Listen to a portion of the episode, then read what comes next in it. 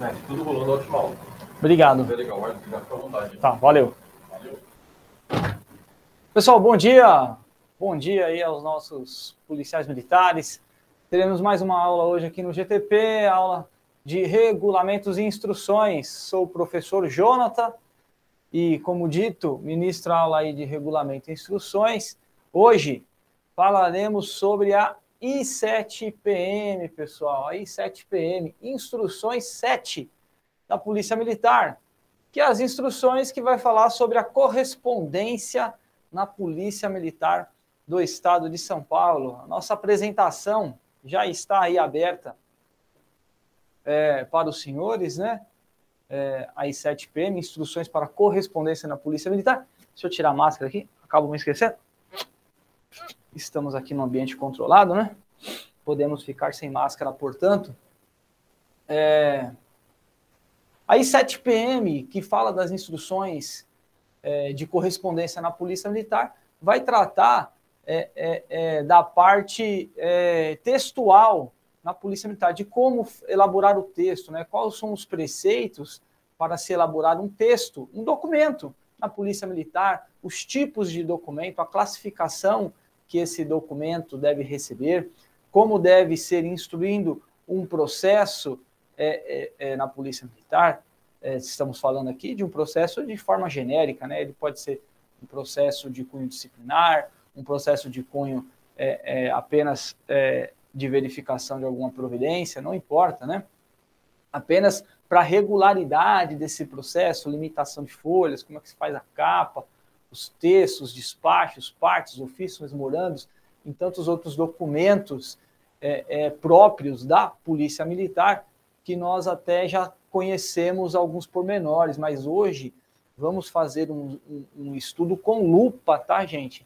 Para a gente entender certinho como se deve fazer cada documento, seguir a sua regra, né?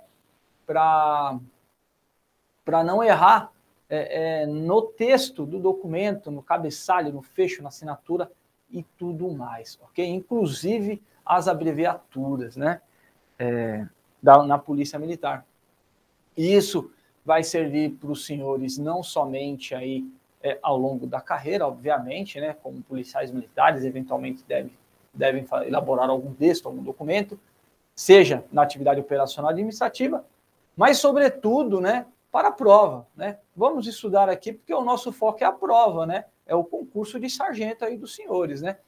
É, certamente os senhores vão apre aprender aí vão levar isso para a vida profissional também. Mas o objetivo nosso principal é a prova. Então vamos tentar entender aqui as I7 para aplicar é, é, é, no concurso, né? Para saber responder as questões que, que vierem a ser feitas com relação às I7 PM, ok? Bom, muito bem. 7 PM, essa última edição é de 2006, né? E tem atualização até 2019, né? Publicada lá no Boletim Geral número 54 do ano. Possui 23 capítulos e 137 artigos. Não se espantem, tá? É, é, vai dar para a gente trabalhar é, a, a, grande parte desses artigos, a, a, as partes principais, tá, gente? A gente não vai aqui na nossa aula nominar artigo por artigo, porque tem alguns, inclusive, que já foram até revogados, né? outros de menor importância, que certamente não vão ser pedidos na prova dos senhores, e então a gente vai focar naquilo que é o principal, ok? Além é, é, desses capítulos, ainda possui 16 anexos, né? que são a, os anexos constituem-se em, em, em, modelos é, é de documento a serem feito, né? um ofício, um despacho, uma certidão, um requerimento e até uma lista de abreviatura que coloquei no final. É interessante essa lista de abreviatura e de antemão já digo para os senhores, né? Que é, é, eventualmente se os senhores vierem a estudar também, o que é bem aconselhável, né? A, após a aula, né? O concurso na I7PM, essa lista de abreviaturas ela, ela é bastante interessante, que ela mostra todas as abreviaturas concernentes às autoridades, né? Na polícia militar, como que deve ser feita, a, a precisão da abreviatura, que é um erro muito comum que nós observamos é, nos documentos elaborados no âmbito da Polícia Militar, ok? E, eventualmente, aí pode ser alvo de prova, ok? É... Então, vamos lá, pessoal? Todo mundo pronto? Preparado? Já a partir do artigo 2 das I7PM, fala lá, para os efeitos dessas instruções, considera-se correspondência oficial todos os meios de comunicação escrita que constituem os diversos tipos de documentos. Então, aqui, veja só, correspondência oficial é comunicação escrita. Então, é algo que está levando uma informação, que está trazendo o quê? Alguma informação. É a comunicação. Escrita. Veja só. Então, ela não vai regular meio falado, não vai regular meio de vídeo, meio de áudio, ok? Que hoje é muito comum até esse tipo de comunicação na polícia militar, áudio, vídeo, fala, mas é só o que está no papel, só o que está escrito. E aí não importa, tá? Pode ser escrito manual, escrito por meio de, de, é, é, de fonte digital e até datilografado. Até tem gente que nem sabe o que é isso aí, datilografia, né? Aquela máquina antigamente, quando não existia o computador ainda, né? É, pondo em ligação duas ou mais pessoas. Então, também, veja só, é, é, a comunicação essa, a, as I7PM, ela serve para comunicação escrita, mas deve obrigatoriamente estar fazendo uma comunicação entre pelo menos duas pessoas, né? Pelo menos duas pessoas. Como é isso, professor? Vamos lá, para a gente não confundir. Todo documento que você fizer no âmbito da Polícia Militar, ele tem que estar, tá, no mínimo, ligado a uma outra pessoa. Uma outra pessoa vai precisar tomar conhecimento dele para adotar alguma providência ou não, ou apenas para conhecimento. A gente vai ver também que tem tem documento que é apenas para conhecimento, né? Mas tem que ter. Aí eu coloquei entre, entre, entre parênteses aqui, certidão, por exemplo, quando se faz uma certidão, né? Que você certifica alguma coisa, certifico para os devidos fins, né? É, é, que este documento é realmente assim. Essa certidão, certamente, ela vai ser observada por alguma outra pessoa, porque ela está, ela foi feita para se juntar a algum processo algum documento né, ou alguma pasta. Então, ela, no mínimo, vai ter, sim, é, é, conhecimento por uma outra pessoa e os demais documentos, né, parte, ofício, memorando, despacho, certamente vai é, ser designado também para outra, as outras pessoas. Mas eu trouxe aqui o exemplo. Mesmo as certidões, mesmo os atestados, né, que é algo que é de cunho declaratório apenas, né, você declara ali no atestado aquilo que se fez, ou declara numa certidão, aquilo que se observou, né? É, mesmo assim, é, vai ser, será levado ao conhecimento de alguma outra pessoa e por isso vai é, é, obedecer esse critério aqui de ligação, uma comunicação que tem uma ligação. E quem que é usuário aí dessas 7 PM, né? Pode ser essa pondo em ligação servidores públicos ou não. Pois o documento da Polícia Militar, um documento elaborado no âmbito da Polícia Militar, um ofício, por exemplo, ele pode ser destinado também a uma é, autoridade civil, a uma pessoa civil, a uma pessoa que não seja servidora pública, a um particular, para atos próprios dos órgãos da administração pública. Atos próprios da administração pública, sem dúvida nenhuma. Né? Artigo 3 fala assim: correspondência policial militar são todos os meios de comunicação escrita, novamente. Então, correspondência de que falas e sete, comunicação escrita, que visam estabelecer uma ligação entre militares, né, sem dúvida nenhuma, ou entre estes, ou seja, militares e civis, ou autoridades públicas, e constituem-se em tipos de correspondência oficial que apresentam peculiaridades específicas da vivência policial militar.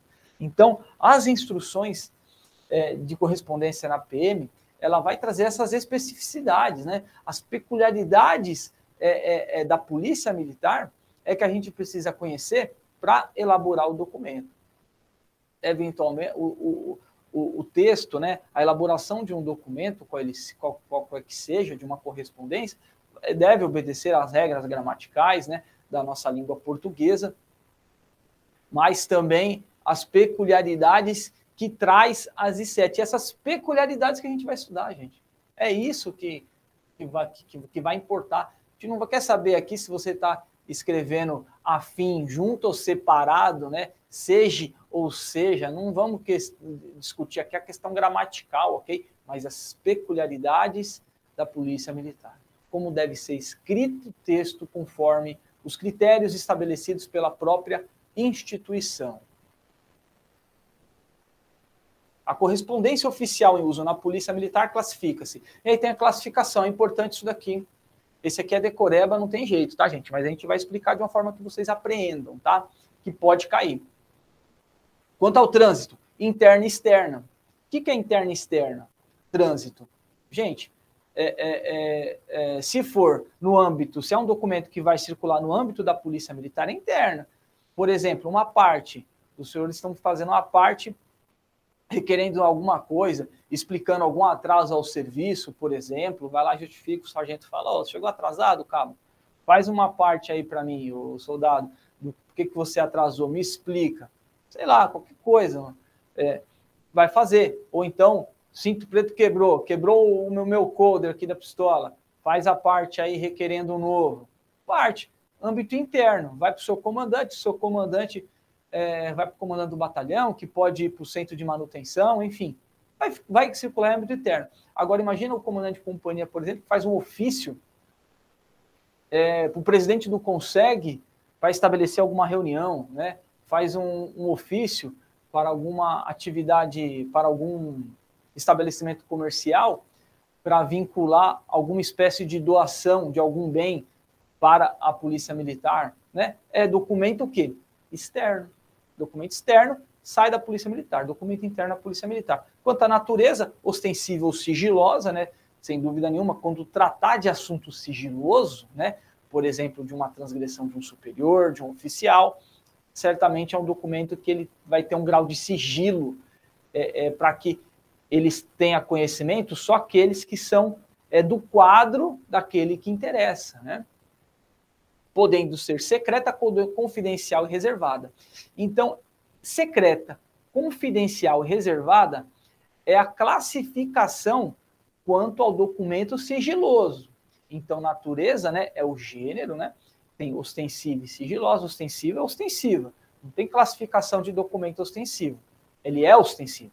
Mas a classificação do documento que é sigiloso, ele pode ser reservado, confidencial ou secreto. Quanto à tramitação, normal urgente, a tramitação é a velocidade com que esse documento precisa chegar ao seu destinatário. Ele precisa chegar rápido, então ele é urgente. Ele pode ter o, trâmite, o trâmite normal dele, então não tem pressa, né? Tramita normalmente. Ele não tem precedência, né? ele não tem prioridade. E o destinatário, funcional ou pessoal.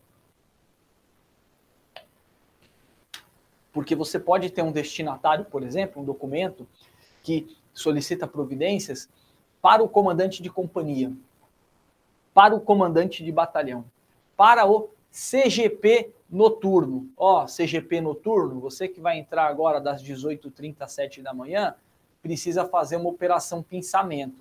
É o CGP. Não importa aquele o sargento que estiver escalado naquela na, naquele dia e naquela hora é o CGP, ele pode trocar de serviço, não importa, né? É o CGP do dia, documento funcional. Agora, veja só, é preciso apresentação de um policial militar para depor no fórum. É o soldado X. Não pode ser outro. Aí é um documento pessoal. Estão compreendendo? Tem que ser aquele policial para depor no fórum. Certamente, né? Porque é ele que está envolvido com aquela determinada ocorrência, ok? Então, documento é, é, pessoal. Assim também quando fala de direitos né, e deveres dos policiais. Olha, o sargento que vai ser promovido, ou o, o, a avaliação de desempenho do cabo, é do cabo, é um documento pessoal, ok? Pessoal e funcional. Quinto, correspondência policial militar externa tramita entre autoridades da Polícia Militar e o público externo. Né? A gente já até falou isso daqui, agora estamos esmiuçando o que, que é uma, o que, que é outra. Interna é a que tramita no âmbito da instituição, já falamos, né? Estou compreendendo. Correspondência sigilosa é aquela que trata de assuntos que, por sua natureza, devem ser de conhecimento restrito e, portanto, requerem medidas especiais de salvaguarda para sua custódia e divulgação. Então, sigiloso é aquele documento que vai ter um conhecimento restrito, como a gente já falou. Por exemplo, um documento que dá conta de uma apuração disciplinar ou de uma punição disciplinar de um sargento, por exemplo. Então, ele não pode ser de conhecimento dos quadros dos seus, dos seus subordinados, né? Ou seja, tem que ficar no quadro de sargentos. Pode ser até publicado, por exemplo, uma apuração disciplinar acerca do primeiro sargento, mas ele, mas o terceiro sargento também pode ter conhecimento, porque vai ficar ali no quadro de sargentos, né? Só não pode ir para o quadro de soldados ou de cabos, né? É, é, por isso a divulgação desse documento ela é restrita também, né? Assim também é, é uma, investiga um, uma investigação, por exemplo, de cunho reservado do P2, em que o P2 ali está levando a feito, acompanhando determinado é, é, situação, né? É documento reservado. A gente já sabe, né? Inclusive que documento do P2, sua grande maioria, se não a sua totalidade, né? Não sou nenhum especialista, trata-se de documentos reservados, né? E a custódia é só a sua, a sua guarda, né? A sua guarda, né? Aquele que vai deter o documento, é aquele que vai divulgar. É por isso que é confidencial, sigiloso, né?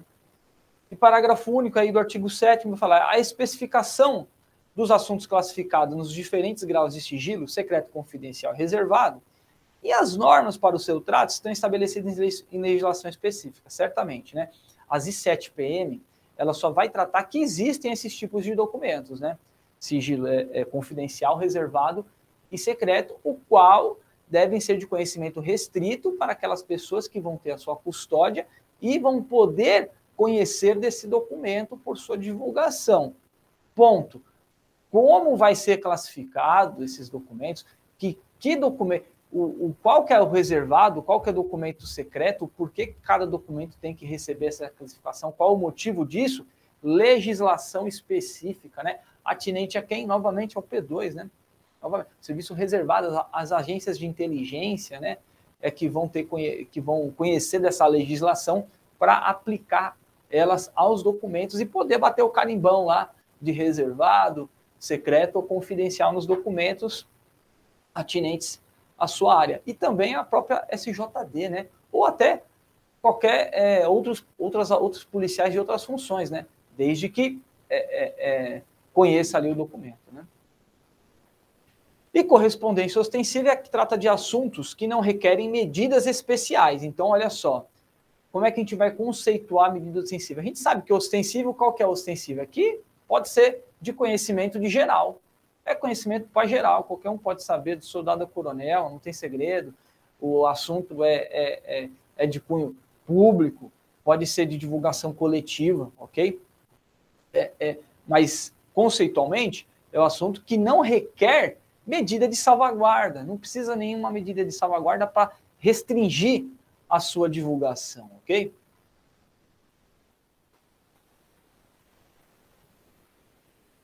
E nono, normal é a que tem sua tramitação realizada de forma habitual, dentro da realidade das características e das rotinas do órgão onde deva ser processada. Então, correspondência normal está com relação à sua classificação de trânsito, né, de tramitação, ok? É a tramitação habitual. Né? Ela não saiu da sua habitualidade. Não requer. Agora, urgente não. É a que, em face da natureza do assunto, considerada dispensável e imprescindível, tem tratamento preferencial sobre a correspondência normal exigindo que sua tramitação se faça com rapidez no menor prazo possível. Portanto, quando a gente recebe aquele documento com um carimbo de urgente, e aqui a gente já está entrando aqui na elaboração do documento, porque essa classificação de urgente, né, quanto à sua tramitação, urgente ou normal, o normal ele não vai receber nenhum carimbo. Mas o documento urgente sim, e a gente sabe, tá lá o carimbão na mesa lá, né? dos policiais que trabalham na administração, vai lá bater o carimbo, né? O carimbinho para aquele polícia que está na ADM. É o carimbo de urgente. Esse documento, ele vai ter prioridade, ele vai ter que ser colocado em cima dos outros, ele vai ter que ser resolvido, solucionado é, é, de forma mais veloz, mais rápida, de com preferência. Deve-se dar preferência aos documentos. Essa palavra que a gente vai adotar. Documento urgente é documento preferencial, ok? E se é urgente, não tem prazo? Não, no menor prazo possível. A gente vai falar dos prazos daqui a pouco, né? Porque a gente pode estabelecer prazo para cumprimento de determinadas determinações, mas é, se não há prazo, então você tem que fazer no menor prazo possível, né? Assim que você conseguir, já fazer de imediato. E artigo 11, correspondência funcional é destinado ao conhecimento da pessoa, autoridade que esteja no exercício efetivo ou interino do cargo ou função do órgão destinatário ou respondendo pelo cargo ou função. E a gente vai falar isso já já, né? A gente falou aqui do documento funcional, que é destinado a quem? Ao CGP noturno, ao comandante de companhia, ao comandante de batalhão, não importa quem seja. Imagina você lá, sargento fulano, trabalha como CGP, pediu uma alteração de escala, no seu lugar vai vir o sargento ciclano. Mas a ordem, as ordens que tiver para fazer, não vai, não é pessoal, é funcional. Assim como o comandante do batalhão. Imagina o comandante do batalhão, tenente coronel X, tá de férias. Mas aí o major Y, que é o subcomandante, está lá respondendo pelo comando do batalhão, né? É o comandante de batalhão interino, né? É o comandante interino, como a gente costuma designar quando vai em substituição. Se ele está interino, é para ele que deve ser, é funcional, não importa se ele é interino, se ele está apenas respondendo pelo comando, ok?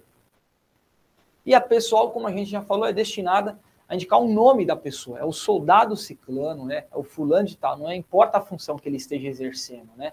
Não importa se esse sargento ele é CGP, se ele é encarregado da administração, se ele é auxiliar P4, não importa.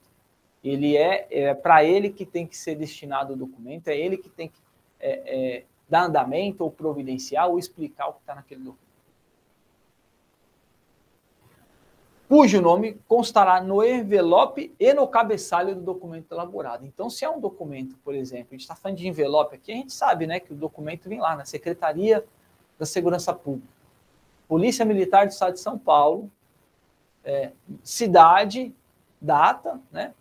sei lá, 22 de janeiro de 2022, do fulano de tal para o sargento ciclano, o tenente fulano, né? Vai ser nominal. E se esse documento, parte, ofício, despacho, que seja o que for, estiver dentro do envelope, no envelope também deve constar o quê? O nome pessoal da pessoa. E quando é que esse documento vai estar no envelope? Quando ele for um documento sigiloso. Documento ostensivo não tem necessidade de estar envelopado. Agora, todo documento sigiloso deve tramitar em envelope. Ok? Agora vamos falar sobre os tipos de documentos, tá? Falamos aqui sobre a classificação dele, né? Quanto à sua tramitação, é, normal ou urgente, quanto à sua é, grau de sigilo, né? Se sigiloso, se, se ostensivo, Quanto ao destinatário, se funcional, se pessoal, ok? Tem um atestado. Aí são diversos tipos de documentos, né?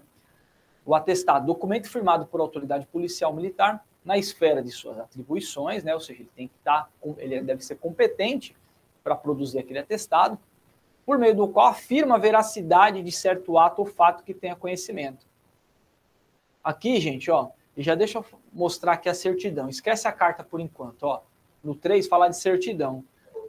Documento revestido de formalidades legais, podendo constituir-se em cópia autêntica ou resumida, desde que expresse fielmente o que contém o original, de onde foram extraídas e firmado pela autoridade policial militar no âmbito de suas atribuições, no qual são descritos de maneira clara e precisa os fatos consignados em registros oficiais Aqui, gente, detecta sempre um erro muito comum, a confusão entre certidão e atestado. São documentos distintos, hein? Que têm objetivos diferentes, tá? Então, qual é a diferença do atestado para uma certidão? O atestado é quando você verifica algo. Por exemplo, você foi fazer uma diligência num local, é, é, você é um agente do P2, sei lá, você trabalha de auxiliar SJD ou auxiliar P1, por exemplo, e você liga para o policial militar e falou, policial, onde você está, meu? Você não veio trabalhar hoje? O cara falou, ó, oh, eu realmente, eu não, eu não vou trabalhar porque eu vim viajar e nessa viagem eu acabei é, é, me, envolvendo num acidente onde minha mulher se machucou. E aí você vai escrever, atesto para os devidos fins, quem contato, blá, blá, é algo que você verificou, que você apurou, ou numa diligência em que você foi num local e você checou, foi entregar uma intimação e o endereço não existe. E aí você vai colocar lá, é, em diligência na rua, na, na rua Domingos, não verificou o número especificado no documento. Ó, essa rua tem a rua, mas não tem o número. Então você está testando algo que pode ser comprovado. O atestado serve para você inserir uma informação que é fato. É fato, você foi na rua, o endereço não existe, é fato. Né? O, você ligou para o policial militar e ele disse aquilo para você. É fato. Né? É fato, quando você vai atestar algo que aconteceu e pode ser comprovado, inclusive. Né? A certidão não. A certidão você vai certificar, quando você vai certificá-lo, está mais ligado a documento. Quando você olha um documento, por exemplo, um assentamento individual do policial e fala, olha, certifico é, para os devidos fins que, que de fato é, é, consta aqui na, na, na certidão, é, no, no, no, documento do policial, que ele não possui é, é, nenhuma outra punição em sua nota de corretivo, por exemplo. É uma certidão. Certidão de cópia, por exemplo, né? Certifico para os devidos fins que esse documento confere com o original também é uma certidão de originalidade, ok?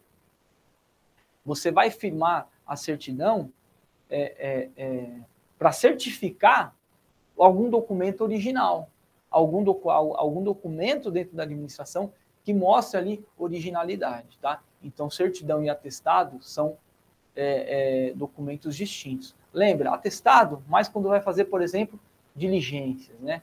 Fiz uma diligência, atestei, verifiquei algo, né, se existe ou não, e vai lá e consigna em atestado, atesto para o devido fim. E a certidão, ela de forma resumida, vai trazer ali é, é, a descrição clara e precisa, de fato, consignado em registro, né? já está registrado.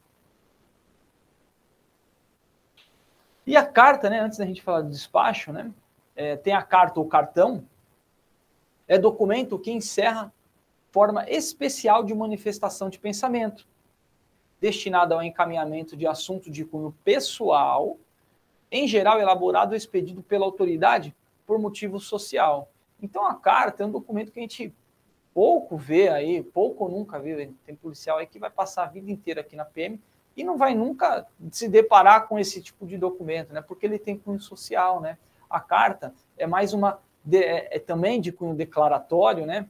É, é, mas é mais direcionado à sociedade. Por exemplo, quando você faz é, um documento, uma carta, um cartão, em forma de cartaz, por exemplo, para é, orientação ao público interno, orientação, inclusive, ao público externo, por exemplo, de uma, de uma, de, de uma, de uma regra de, de prevenção primária, de policiamento. Olha, pessoal, quando forem andar nas ruas, Fiquem atentos aos celulares, procurem não olhar os celulares enquanto caminham na calçada, no passeio público, né?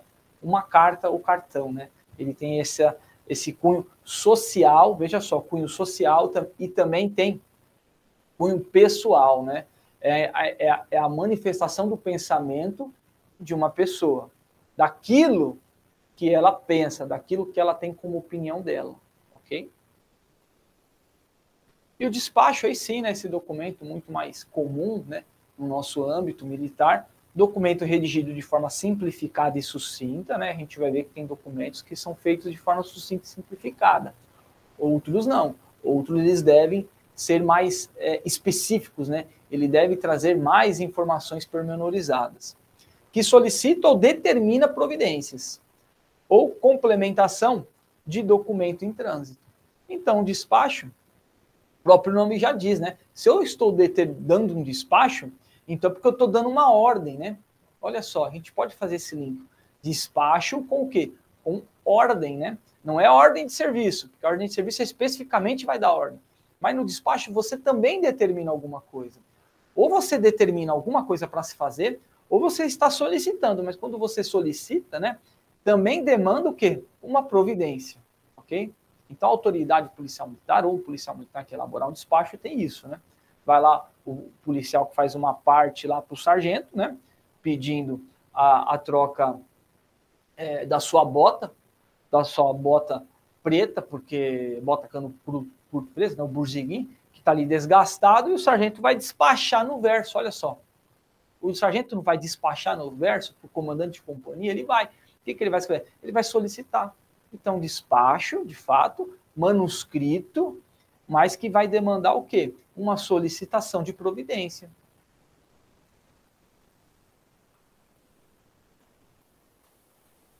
Informação, outro documento. Não tão comum também, é, é, mas aparece, mais do que carta, né, por exemplo.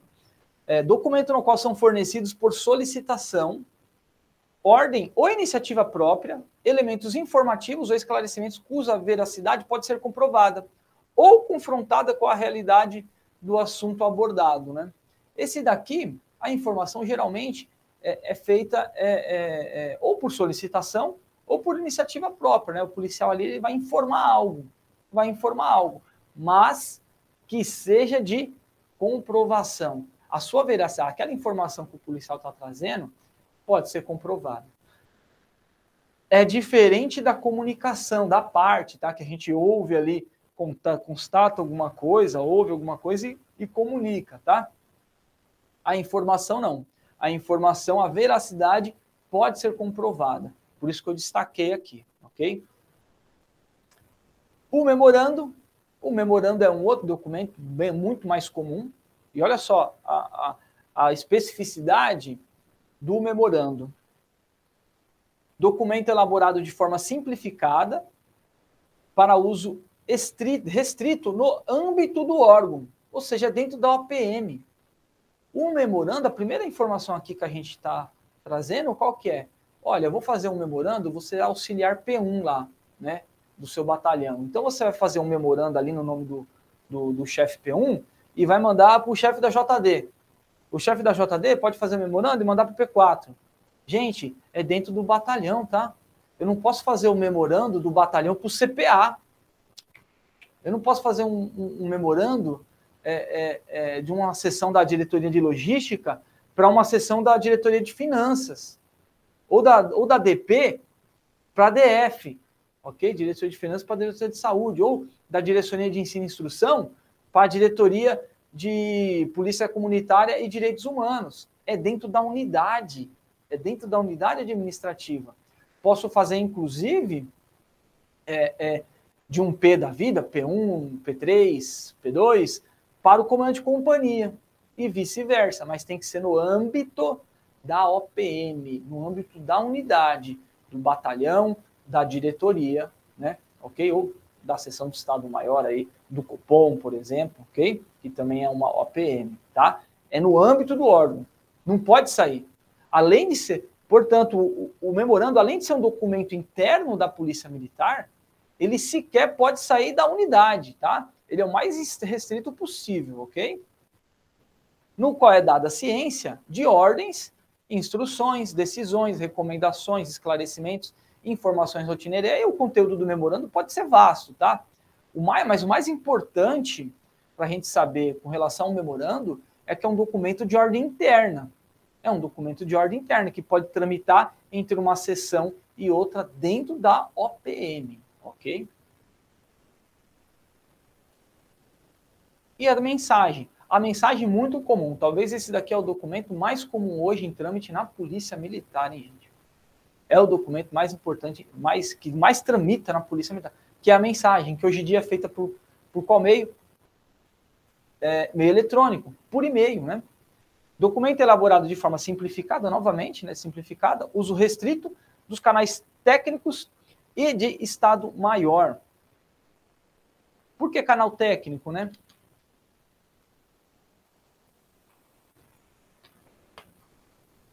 Porque a mensagem ela pode ser encaminhada por meio de canal técnico ou de Estado Maior. E a gente vai falar daqui a pouco a diferença entre canal técnico e canal de comando. Muito embora você já deve estar pensando, é claro, né? Canal de comando, obedecer à hierarquia, né?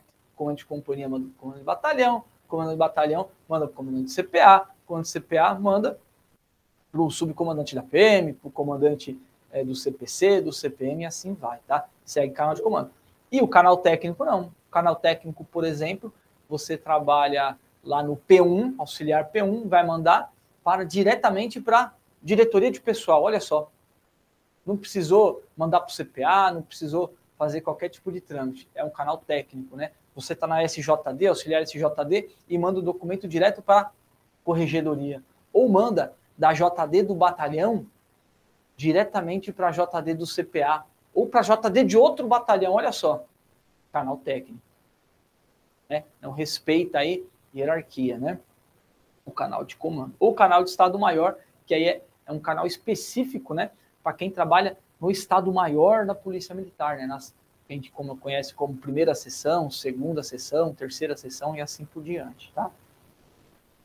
Nota para boletim. Gente, nota para boletim foi revogado, tá? Revogado. Então não esquenta a cabeça com isso daqui. Ofício. Esse aqui também é um dos documentos mais comuns, né? Que a gente observa aí dentro da Polícia Militar. Vamos ver como que é o ofício? Destinado a tramitar entre autoridades. Regra geral é essa. Vai tramitar entre autoridades, né? É o batalhão que manda para o CPA, é o CPA que pode mandar para o batalhão, é o comandante de companhia que pode mandar também, é o presidente de um processo disciplinar, presidente de um, de um processo administrativo disciplinar, de um processo regular, presidente de uma sindicância, presidente de um IPM, né? Presidente de o, é, um, é uma autoridade militar que vai encaminhar o documento para uma outra autoridade requerendo providência. Olha só, uma autoridade militar que vai mandar para uma outra autoridade. E aí, gente, pode ser autoridade militar, pode ser autoridade civil ou autoridade pública civil. Autoridade particular não importa, hein? Da instituição, olha lá, tramitar entre autoridades da instituição e entre essas, né, e o público externo. Então é um documento, um ofício, que ele pode ser encaminhado, inclusive, para fora da Polícia Militar no qual são fornecidos por solicitação ou iniciativa própria, né? Não importa. Elementos informativos, cuja veracidade pode ser comprovada ou com a realidade do assunto, ok? Então, pode ser comprovada, é, é, pode ter a ver com a realidade do assunto, pode ser um, um ofício requisitório, né, de solicitação ou por iniciativa própria, né? Mas o mais importante que a gente tem que entender a respeito do ofício é que é o documento na Polícia Militar que, primeiro o trâmite dele, né? Tramita entre autoridades, né? Por exemplo, uma parte não necessariamente vai tramitar entre autoridades. Uma informação não necessariamente vai transitar entre autoridades, né? E quando a gente fala de autoridades aqui, estamos falando quê? Aqueles que têm uma função de comando na Polícia Militar, né? Por exemplo, como em companhia, né? É, é, o comandante do batalhão, ele tem que ter uma função é, é, de, é, de, comando que necessite aí é, essa, essa tramitação desse documento, ok? E para público externo, tá? Você não vai fazer uma ordem de serviço para o público externo, você não vai fazer uma informação para o público externo, você não vai fazer um despacho para um público externo, um memorando. O único no documento, a Polícia Militar, você vai fazer para público externo, qualquer ofício, seja para solicitar alguma informação, seja para esclarecer alguma informação, por exemplo, é, é, o SJD, durante a instrução de uma sindicância, precisa ouvir um professor da rede pública estadual, precisa fazer uma oitiva, uma inquirição de algum investigador da Polícia Civil. Vai requisitar por meio do, de que isso daí? De um ofício a apresentação desse, de, desse servidor público. É, precisa, por exemplo, a justiça, o poder judiciário, solicita informação acerca de uma, de uma ocorrência que está em apuração por meio de um IPM. Como é que o comandante do batalhão ou o presidente desse IPM vai informar? Por meio de ofício. Então, o trâmite de documento para público externo é por meio de ofício. Até aquele, aquele exemplo que eu dei lá do comandante de companhia, que fez o ofício lá para um estabelecimento comercial para regularizar uma doação de algum bem, de algum bem para a própria companhia, né? Por meio de ofício. Então tem que estar tá bem claro isso daí, tá, gente? Agora aqui os demais documentos, ordem de serviço, primeiro, né? Documento por meio do qual a autoridade policial militar competente determina seus subordinados. Então veja só, gente. Qual é a diferença aqui da ordem de serviço para o despacho? O despacho nem sempre tem cunho determinatório. No despacho, você pode ter uma determinação. Por exemplo, vem uma ordem de serviço é, do, do batalhão e o comandante de companhia vai lá e, determina, e faz um despacho para o CGP ou para o serviço de dia e determina.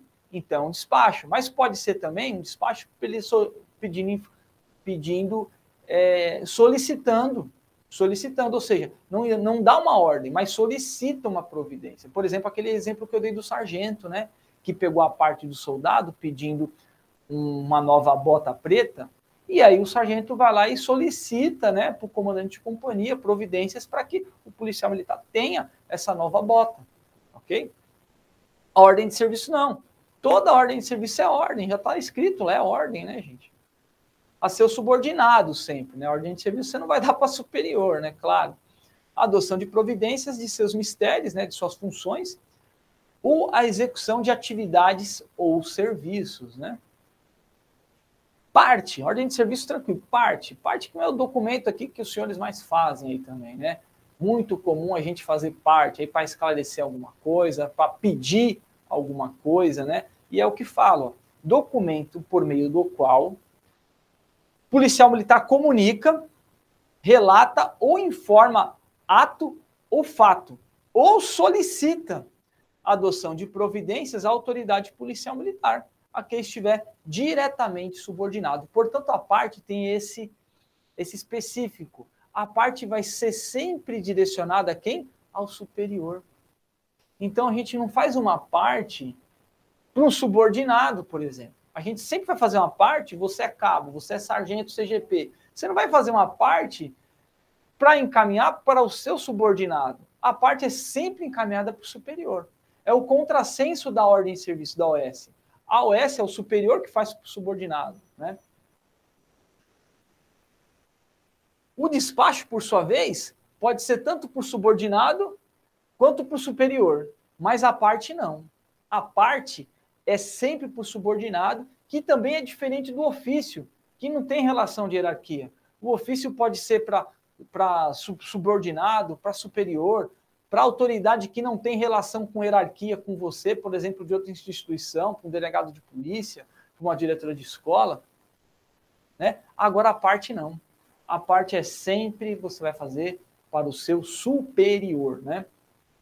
Muito importante isso. E aí, são duas situações. Ou você vai comunicar um fato, né, de em forma de relato, por exemplo, é, é, se deparou com alguma transgressão disciplinar, você é sargento lá e, e precisa como, comunicar um ilícito administrativo é, é, é feito por seu subordinado, ok? Vai precisar relatar. Ou está solicitando alguma providências, né? Você é cabo lá, é soldado lá no batalhão, está com a sua bota ruim, precisa trocar a bota, vai pedir por meio do quê? De parte, tá?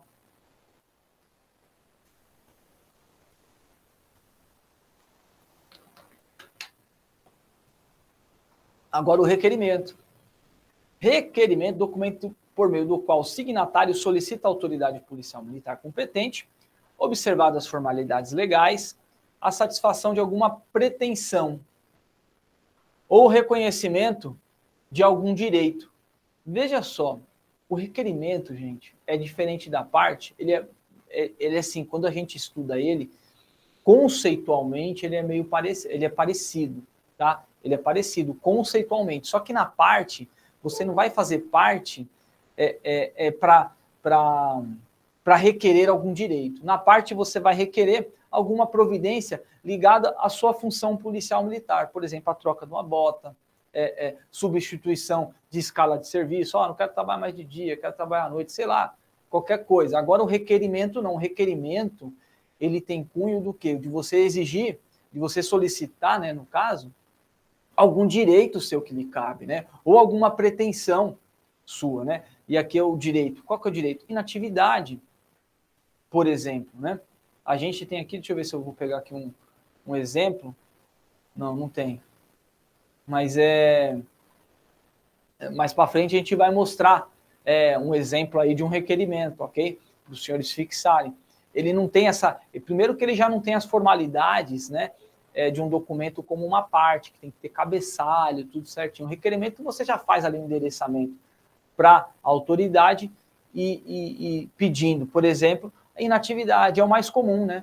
Você fazer um requerimento para querer, é, quando você está ali apto já a passar para a inatividade, cumprir os seus 30 anos de serviço, seu, ou mais, né? Tem alguns policiais aí que vão trabalhar 31, 32, 34, até perto de 35 anos, né? Sobretudo os mais recrutas, né? Quanto mais recruta, mais próximo dos 35 anos, agora vai precisar trabalhar para aposentar. Mas enfim, chegou ali a sua oportunidade de aposentar, você faz o requerimento, né? Porque do contrário, se você não comunicar à administração que você quer se inativar, ela também não vai, por iniciativa própria, colocar o policial militar em inatividade, né? Conceder ali a aposentadoria, salvo, né? Quando você atingir ali a idade limite, né? Aí não, né? Um dos casos, né? Gente, então, é, artigo 14. Obedecerão às normas e instruções próprias os seguintes documentos. Deixa eu liberar um coleguinha aqui.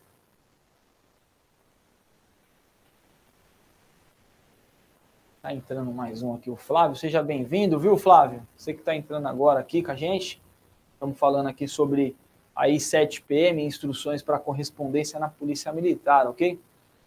Então, o artigo 14 vai falar o seguinte: obedecerão normas e instruções próprias é, os seguintes documentos: apostilas, atas, atos, boletins, boletins de ocorrência, contratos e licitações, convênios, documentos de Estado Maior específicos lá do Estado Maior, edital, escala de serviço, publicação policial militar, outros de acordo com a necessidade não especificada. Então, gente, o que é isso daqui? A gente acabou de falar aqui dos tipos de documentos: parte, informação, ofício, atestado, memorando, requerimento, carta, despacho, não sei se eu já falei, mas tem outros documentos que a Polícia Militar pode fazer. Só que esses outros documentos aqui listados nesse artigo 14 têm instrução própria. Por exemplo, é, boletim de ocorrência. Boletim de ocorrência tem norma específica que trata, né? Então a planilha lá específica que fala que jeito que tem que ser o boletim. Não é a I7 que vai tratar, ok? Por exemplo, ata. Como é que se faz uma ata? Tem a, a, a, a determinado específico de cada ata, é, vai ter instrução específica, não está aqui documento de Estado Maior que transita lá no Estado Maior da Polícia Militar. É documento específico, tem, tem norma específica, não é I7 novamente. Escala de serviço que eu destaquei aqui, gente, a escala de serviço, né? A gente sabe aí que tá tendo, é, tem até agora uma modalidade eletrônica, né, da escala, escala de serviço, né? É, de cunho eletrônico, não são todas as unidades da PM que estão é, é, é obedecendo aí é, esse critério de escala eletrônica, mas também não está especificado na, na I7 o modelo de escala, como é que tem que ser feita a escala. É, são, é, é, obedecerão norma, né, legislação ou instrução, regulamento próprio, ok? Toda essa aqui, publicação policial militar, aquilo que vai sair no boletim geral ou no Diário Oficial do Estado, é tudo com é, instrução própria. Inclusive, o que? Citado ali, contratos e licitações, ok? Para quem trabalha aí na área do GE, na área de finanças, né? A gente sabe que tem o quê? Norma específica, tá? Não está na I7, ok? E o artigo 15 vai falar: correspondência interna na instituição tramitará pelos seguintes canais de comunicação. Então, é, temos dois tipos de canais de comunicação na Polícia Militar. Primeiro, canal de comando. Aliás, três tipos, tá, gente? Três tipos de canais, tá? Canal de comando, né? Via de tramitação de correspondência interna, que permite a ligação entre autoridades da Polícia Militar, observada a cadeia de comando. Então, o canal de comando, gente, serve o quê? Só para âmbito interno. Só para âmbito interno, né? Primeira coisa. E vai obedecer o quê? Tramitação entre autoridade, obedecendo a hierarquia. Aquilo que a gente falou, comando de companhia, comandante de batalhão, comandante de CPA, né? Comandante geral, o subcomandante, subcomandante, comandante do CPC, comandante do CPM, comandante do CPI, correge, ok? Canal de comando, tem que seguir o canal de comando, ok? É a mesma coisa que falei aqui do requerimento de aposentadoria, por exemplo, né? A pessoa quer fazer o requerimento de aposentadoria, ela vai aonde? Né? Vai lá no CPA, né? O cara que é do batalhão é, vai no, no CPA, ou no CP-Choque, ou no CPAMB, né? Vai lá nesses comandos de policiamento, né? Não é o batalhão que vai lá fazer o requerimento, o CPA manda para onde? O CPA instrui e vai encaminhando a documentação. Canal técnico. Canal técnico, gente. Ligação entre autoridades dos sistemas da administração, em razão do assunto técnico específico entre si ou com as demais autoridades da Polícia Militar. Então, o canal técnico, ele não necessariamente precisa obedecer o quê? A hierarquia. Né? Canal técnico, por exemplo, a instrução de impeder aqui, a gente colocou. Você é auxiliar de CJD lá da companhia. Aí o, bata, o, o comandante de companhia fala assim, poxa, a gente precisa, é, eu preciso de um, da cópia aqui de um boletim, de uma escala de serviço, ou seja lá o que for, de uma outra companhia, de outro batalhão. O comandante de companhia, não como comandante de companhia, mas como presidente do PD, olha só, a função mudou. É o capitão fulano. Só que ele vai atuar não como comandante de companhia, mas como presidente do PD. Então, como presidente do PD, ele não precisa mandar pedir uma escala de serviço de uma outra companhia via canal de comando. Ah, que ele tem que mandar para o comandante do batalhão dele, aí o comandante do batalhão vai mandar para o comandante do CPA, aí o comandante do CPA vai mandar para o comandante do batalhão X, que vai pedir para a companhia. Não. Ele já pede para o outro comandante de companhia diretamente. Ok? Se há uma informação, por exemplo, pegar essa, esse exemplo aqui de instrução de um procedimento disciplinar também, ele precisa de uma informação que está no HPM. Ele manda direto lá para o centro médico, olha só. Não precisa fazer via canal de comando, gente. Manda direto para o centro médico? E qualquer informação que, vão, que for precisar pedir para instruir o PD, o presidente do PD, que pode ser, inclusive, é, um tenente, que pode ser delegado a função, inclusive, para um sargento, pessoal. Vocês que estão aí, né? Pretensos sargentos, né? Aspirantes a sargento. Uma vez sargento, pode ser delegado a instrução de um procedimento disciplinar para os senhores. E os senhores, como, como, como autoridade delegada, olha só, autoridade delegada num PD, pode pedir documento também, ok? É, por exemplo, um encarregado de uma sindicância, um encarregado de um IPM, qualquer processo que seja, canal técnico. E canal de estado maior, aí esse canal de estado maior, ele é específico de quem, novamente, né? Das sessões do estado maior do comando geral lá da PM. O comando da PM tem as suas sessões, né? Primeira sessão, segunda sessão, que tratam de assuntos específicos, ok, gente? Então, tem esse canal técnico do Estado Maior, que tramita, por exemplo, a primeira sessão do Estado Maior, pode mandar um documento para a terceira sessão, a segunda sessão pode mandar para a quarta sessão, a quarta pode mandar para a sexta sessão, enfim, né? Eles podem se comunicar entre si via esse canal de estado maior, ok? Tranquilo até aí? Artigo 16 traz o parágrafo único com a informação seguinte. Para atender ao disposto nesse artigo, poderão ser emitidos despachos manuscritos nos documentos em trânsito, os quais serão redigidos de forma simplificada e sucinta. Despache, então, gente, olha só, sempre de forma simplificada e sucinta. Diferente, por exemplo, de parte. Parte não tem que ser feita de forma simplificada e sucinta. Ela precisa ser concisa, ela precisa ser objetiva, ok? Mas ela tem que esclarecer de forma bem, deixar bem claro, né, aquela situação. Ofício, por exemplo, o ofício ele tem que trazer bastante as informações necessárias para atendimento, ok? Agora, é, despacho, não precisa, ok?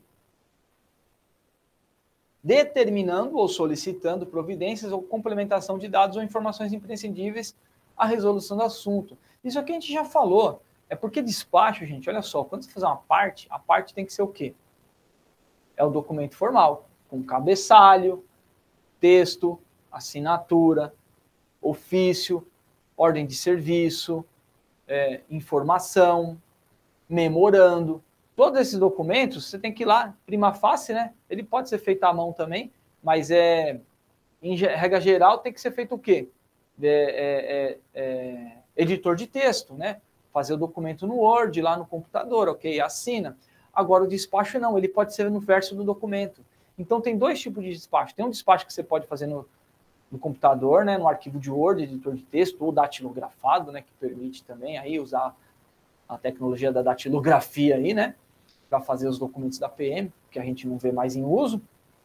Mas, enfim, é, é, você vai fazer ali, vai digitar o documento, imprimir, assinar. O despacho você pode fazer dessa forma também, despacho, como é feito muito, né, para o pessoal que trabalha é, instruindo, IPM, sindicância, processos regulares, né, procedimentos disciplinares faz muito esses tipos de despacho no âmbito desses documentos, e também o despacho manuscrito, que é o despacho que você está fazendo no verso de uma parte, no verso de um ofício, no verso de uma ordem de serviço. Ok? E a correspondência classificada como urgente deverá, sempre que possível, ser encaminhada diretamente à autoridade responsável pela sua solução, dando-se ciência concomitantemente aos órgãos interessados. Então, chegou um documento lá, uma correspondência carimbão lá classificada como urgente, catou esse documento, prima facie, né? Ele fala lá, ó, é, é, é, deverá, sempre que possível, ser encaminhada diretamente àquele que tem que dar resolução para aquele documento, ok? Sem o quê? Sem tramitação. A cópia de correspondência expedida para simples conhecimento e que não demande nenhuma outra providência deverá conter o carimbo para conhecimento, carimbado ou impresso, ok? Então pode ser esse para conhecimento pode vir diretamente impresso no documento quando você elabora ou bater o carimbo. Mas é simples cópia, né? Quando é uma cópia, né? Você manda uma cópia, por exemplo, manda um documento é, é, para o comandante de companhia. Imagina o comandante do batalhão vai mandar um documento para o comandante de companhia, adotar uma providência e manda uma cópia, né? Para conhecimento para quem? O subcomandante e para o coordenador operacional do batalhão, para que eles vejam, né? Olha, tem essa providência aqui para o seu subordinado fazer aí, viu, coordenador operacional ou subcomandante. Quando o documento parte do comandante do batalhão, por exemplo. Prazo. O prazo varia em decorrência da urgência e da complexidade dos assuntos tratados. Claro, né? O prazo vai variar aquele que estabeleceu um prazo em um documento para a adoção de uma providência vai é, verificar ali o, a, o, o, tempo necessário para a execução de serviço, né?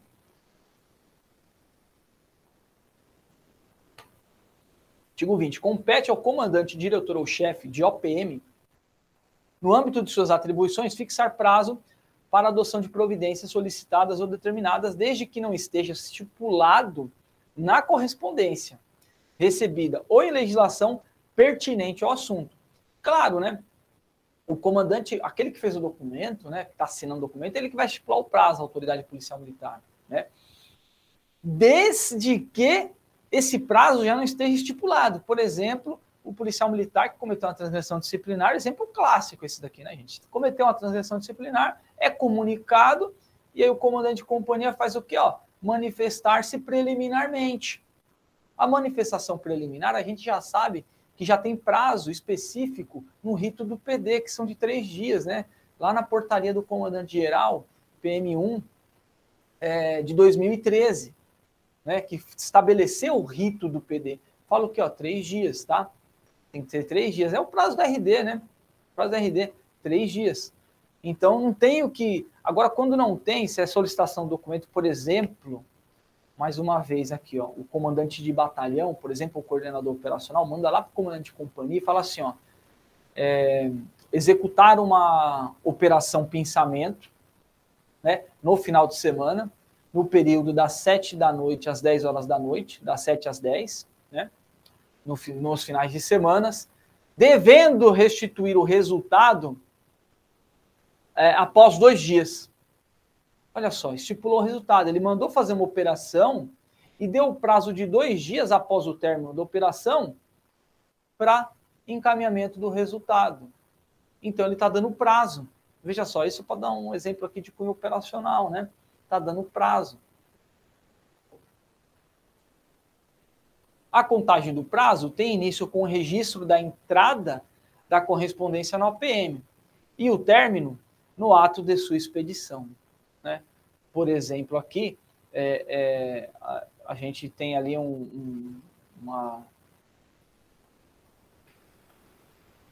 uma manifestação preliminar, por exemplo, que o comandante de companhia manda lá para o policial responder. Bateu no serviço de dia lá, o serviço de dia protocolou lá o documento, o despacho do comandante, no dia que na hora que ele protocolou no serviço de dia, é a entrada do documento. Ou, e aí começa a contar o prazo, ok? E ó, gente, esse prazo aqui, ó, ele fala se é dia útil, se é dia corrido, esses prazos na PM, não fala, tá? Então ele não fala se é dia útil ou se é dia corrido. Então, se não fala que é dia útil, é dia corrido. Por exemplo, recebi um documento com prazo de três dias na sexta-feira. Recebi na sexta-feira, começou. Aliás, recebi na quinta-feira. Recebi na quinta-feira. Recebi na quinta-feira o documento. Começou a contar sexta, sábado, domingo, segunda-feira tem que tem que estar com o resultado na mão, ok? A menos que no prazo vem especificado em dias úteis. Olha só, se não vier especificado no prazo que é para contar em dia útil, então é dia corrido, porque dia é dia. Se a pessoa fala três dias, quatro dias, e não especifica se é dia útil, então é qualquer dia. É dia útil e dia não útil, final de semana, feriado, enfim, ok? O prazo poderá ser ampliado quando? Ainda sobre prazo, né? Quando é que ele pode ser ampliado? Ou seja, eu te dei um prazo inicial de três dias, cinco dias, mas vou ampliar esse prazo aí quando o assunto exigir maior tempo para ser estudado, mediante estipulação expressa no próprio texto da correspondência. Olha só que interessante, né? Por exemplo, vou pegar um, dar um exemplo aqui, ó. É, um exemplo de um, de um PD, de novo. Vamos pegar um PD de novo. Imagina que num PD, o policial militar foi, foi acusado num PD, né? O PD foi instruído, aí chegou o final do PD. Aí no final do PD, o capitão lá, o presidente do PD, o sargento, inclusive, autoridade delegada, fala assim: ó, polícia, vou te dar cinco dias aqui, dessa possibilidade, né? Que é complexo o PD, para você me apresentar a sua defesa final. Então você, como último ato ali no seu no, de defesa no PD, você vai ter que fazer a sua defesa, né? No PD ou para advogado, né? Às vezes você constitui um advogado para te patrocinar ali durante o, o procedimento disciplinar. E aí você, e aí deu para o advogado cinco dias. Só que é o seguinte, é um PD complexo. Foram muitas testemunhas que foram é, ouvidas. Há muitos documentos para serem analisados, cotejados pela defesa, né? E o advogado e, e esse prazo, por exemplo, caiu no final de semana. São cinco dias, ele recebeu na quinta, por exemplo. Aí começa sexta, sábado, domingo, segunda, terça. Aí tem que entregar na terça nossa, caiu no final de semana, o, o, o procedimento disciplinar é complexo, aí o advogado ou o acusado, né, você é acusado no PD, vai lá e solicita mais prazo. Olha só, é, por mais que tenha o prazo estipulado já no RD, né, ou no, na portaria do comandante geral, não me recordo direito, mas está especificado em norma específica, em norma própria, né? É, é, você pede, porque fala, olha, o assunto é muito complexo pode ser estendido nos termos do artigo 22. Então, pode ser estendido. Ou mesmo a manifestação preliminar, três dias. Olha, é muito complexo esse, essa transição aqui. Eu preciso de mais tempo para explicar. Pode ser concedido. Ok? Ou quando solicitado pelo interessado, né? Quando o assunto exigir, mas aqui um, um, um, um, um comunica com o outro, né? Quando o assunto exigir maior tempo ou quando solicitado por interessado. Mas esse solicitado, tá, gente? Muito embora a norma não tenha colocado, precisa ser motivado, tá? Essa solicitação, precisa ser motivada. Por quê? Porque todo ato administrativo tem que ser motivado, né?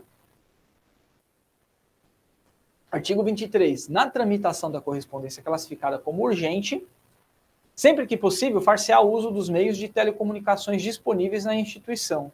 Então, olha só, documento urgente, documento urgente pode ser é, é, feito por rádio, né? tem mais, facsímile, gente, nunca mais em facsímile, né? O que, que a gente vê hoje para tramitação de documento na PM? E-mail. E-mail, né? E-mail. Fala aqui, inclusive, que pode ser por telefone, pode também. Imagina um OS, ó, o, CPA liga lá no batalhão, sexta-feira, 6 horas da tarde, lá pro P3 do, do, do batalhão, e fala, ó, o P3 do batalhão, tô mandando um OS aí para fazer uma operação pensamento no final de semana, todas as companhias, hein? Já faz, hein? Vai chegar, eu estou mandando, mas ó, antes de chegar, já liga para os comandantes de companhia e dá essa ordem. Estão entendendo? Aí vai chegar o documento depois. Só que, ó, urgência do documento, urgência da providência, já mandou o telefone. É possível também. Por isso que esse é feito, inclusive, essas ligações telefônicas. Ok? Eu coloquei aqui, ó, porque o artigo 23, ele fala assim, ó, telefone, rádio, facsímile, e-mail, que é o mais comum, e etc que, que é esse etc? Né? A gente não sabe da inovação tecnológica a respeito de, de, de comunicação. E hoje a gente tem, né? WhatsApp, né? aplicativos de comunicação de rede social, Telegram, tem outro Signal, né? Eu posso então mandar um documento via WhatsApp para cumprimento de ordem? Posso. Olha só. Poderá ser feito, não é obrigatório, ok? Desde que, né, aquela pessoa que esteja recebendo o documento também tem um aplicativo, concorde né, em coloque o seu aplicativo à disposição do serviço. Olha, eu tenho o aplicativo WhatsApp, eu coloco à disposição. É comum eu utilizar ele para receber documento, para trocar informações de cunho funcional. Então, quando há, essa, quando há esse permissivo, né, privativo daquele que tem, é, que possui aplicativo, pode então ser encaminhado por, é, por esse canal, tá, pessoal? Não é, né, regra geral aqui para a prova, dificilmente talvez caia uma questão nesse sentido, mas os senhores já, já sabem, tá? Se há o permissivo, então é possível sim encaminhamento de documento via é, é, WhatsApp, por exemplo, quando urgente, né? Quando urgente, que é o caso aqui do artigo 23, né? E a gente sabe que, né, na prática aqui, até os documentos não urgentes já são encaminhados aí via e-mail, via WhatsApp, né? O artigo 24, a redação, né? As regras de redação. Vamos falar sobre regras de redação agora, ok?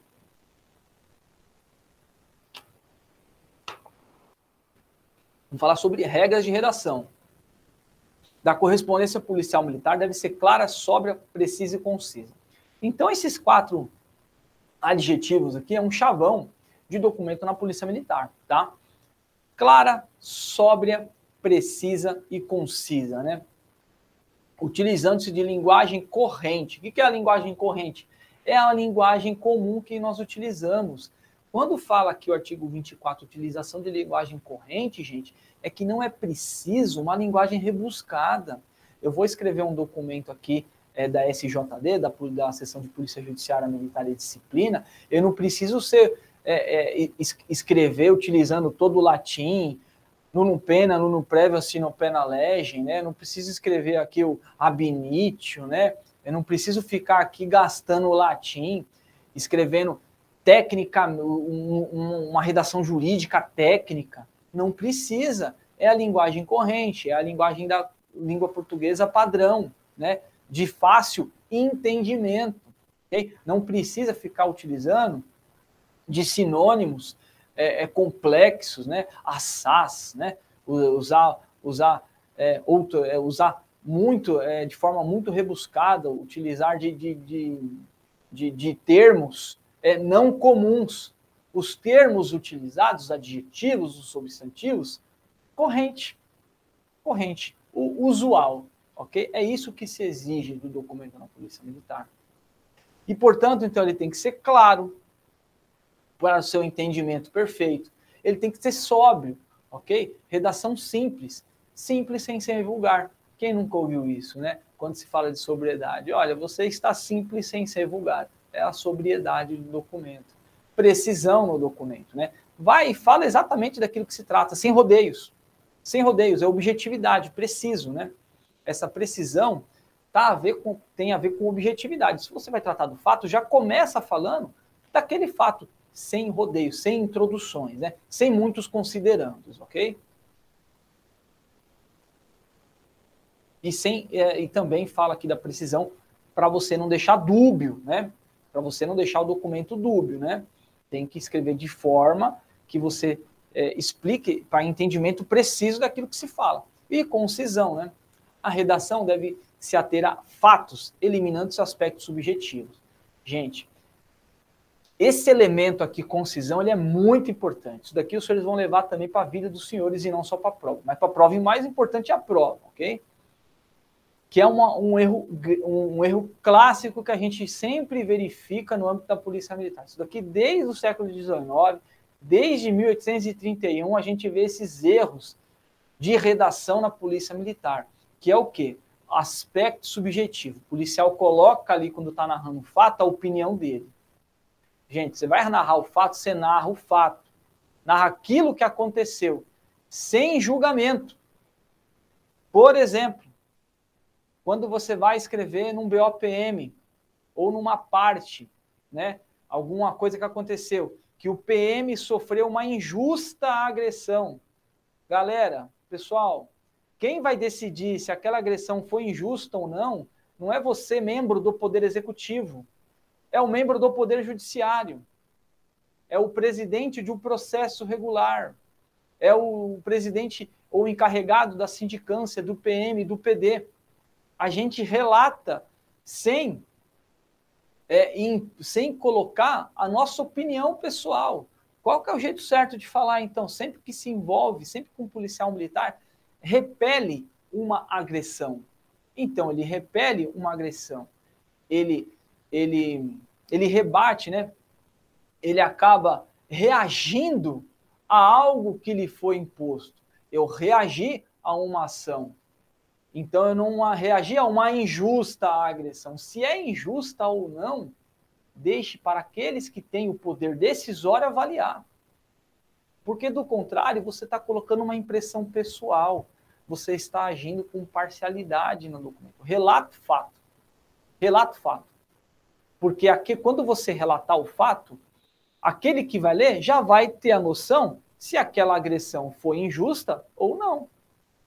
Por exemplo, um exemplo clássico aqui, né? policial militar foi fazer uma abordagem, o abordado reagiu, desferindo socos e agredindo com suas mãos o policial militar, que, para se defender, reagiu imobilizando o abordado. Percebeu que eu não usei a palavra injusta?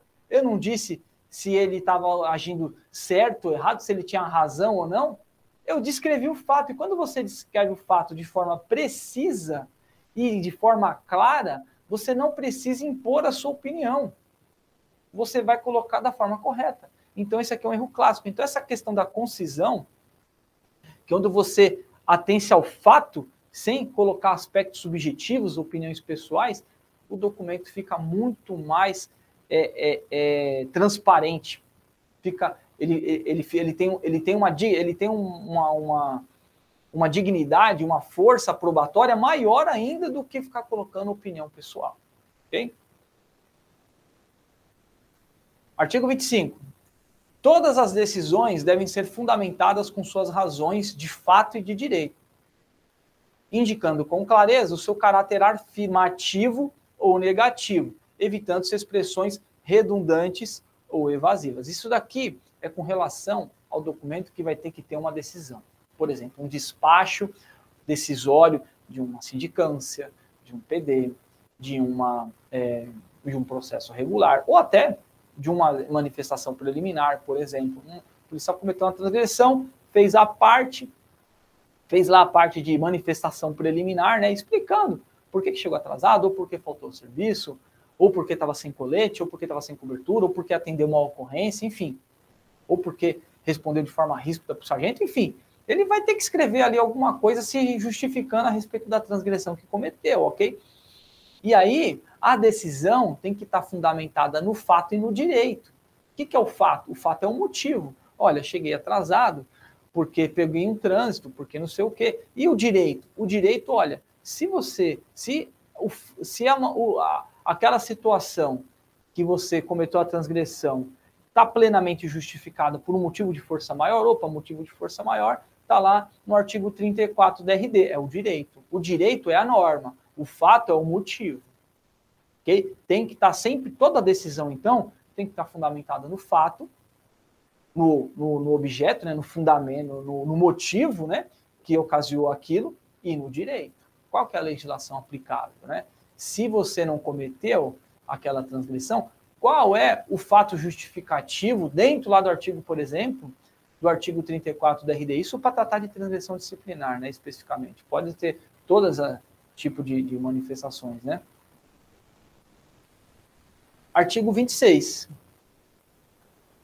Na correspondência com autoridades estrangeiras, usar-se-á o idioma português, devendo, quando possível, fazê-lo acompanhar da versão do, respectiva, do respectivo idioma do destinatário, realizada por tradutor habilitado. Isso daqui é muito difícil acontecer, né? mas tem também, né?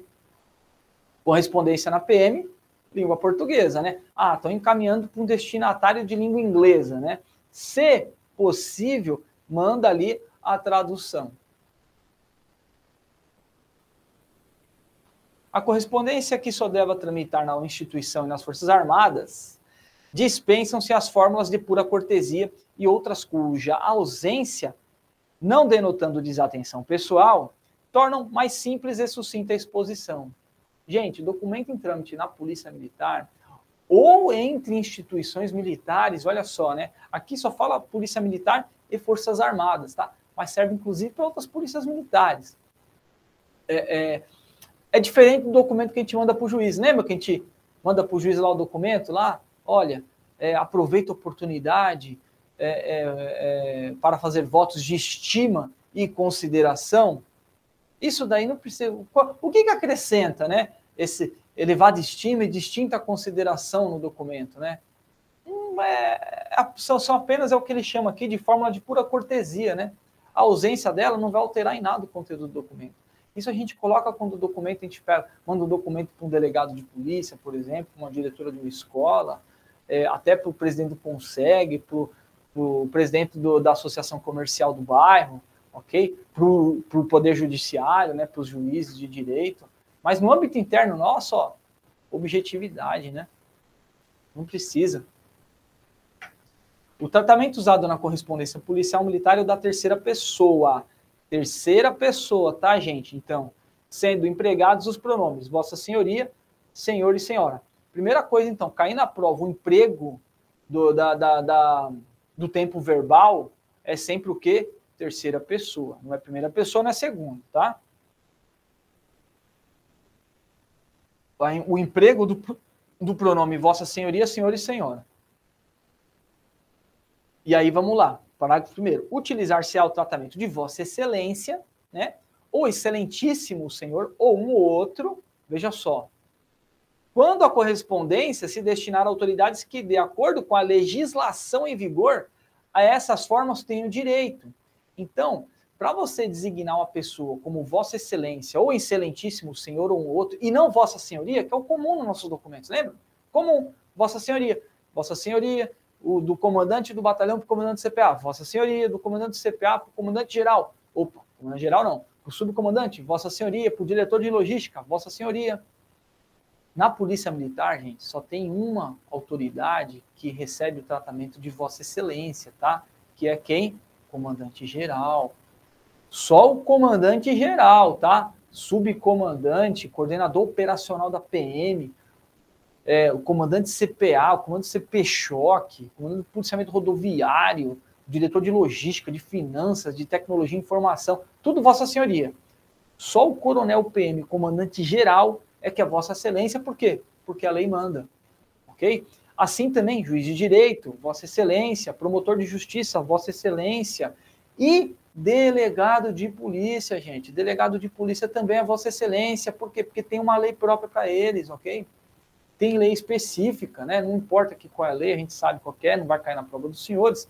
mas tem lei específica que diz que o tratamento adequado a dar aos delegados de polícia é Vossa Excelência, claro, né? Você vai chegar lá no, na DDP, não precisa, né? Ô, Vossa Excelência, tenho aqui uma ocorrência para apresentar. Mas, nos documentos, e nem os delegados exigem isso hoje, né? Estão preocupados, né? A preocupação deles são outra, ok, gente? Assim como a nossa. É, mas nos documentos, na documentação formal, vai encaminhar um ofício para o DP, para o distrito policial, para seccional, pro, não importa para quem. É delegado, autoridade? É. Tem que estar tá especificado, é Vossa Excelência, e não Vossa Senhoria. No âmbito interno da PM, aos oficiais, quais seja qual for a autoridade, né? Vossa Senhoria. Delegado de polícia, Vossa Excelência, tá? Então, se cair qualquer questão nesse sentido aí, ó, não vamos errar isso aí, tá, gente? Por quê? Porque tem que estar na legislação. Em se tratando de correspondência externa, a expressão de tratamento será escrita por extenso. Claro, interna a gente escreve Vossa Senhoria, como está aqui, ó, né? Abreviado. V.S.azinho minúsculo. SR.azinho minúsculo se for senhora. Senhor, S maiúsculo, R minúsculo, ponto. Tudo abreviado. Agora, se for externo, gente, é tudo por extenso. Vai escrever senhor por extenso, vai escrever Vossa Excelência por extenso, tudo por extenso, ok? E ainda tem as autoridades eclesiásticas, tá? Que são autoridades eclesiásticas, né? Autoridades religiosas, ok, pessoal? Vossa Eminência para os cardeais. Isso aqui eu nunca vi cair nas provas, hein, gente? Né? Mas está aí nas I20, está nas I7, tá? É importante a gente observar. Vossa Excelência Reverendíssima para os arcebispos e bispos, né? Vossa Reverência, né? Para os demais eclesiásticos. Né? A gente sabe aqui também que não apareceu aqui o Papa, né? Que o Papa é a vossa santidade, é o único que é o vosso santo, a vossa santidade é só o Papa. Não está aqui porque a Polícia Militar dificilmente vai ter contato com o Papa, né?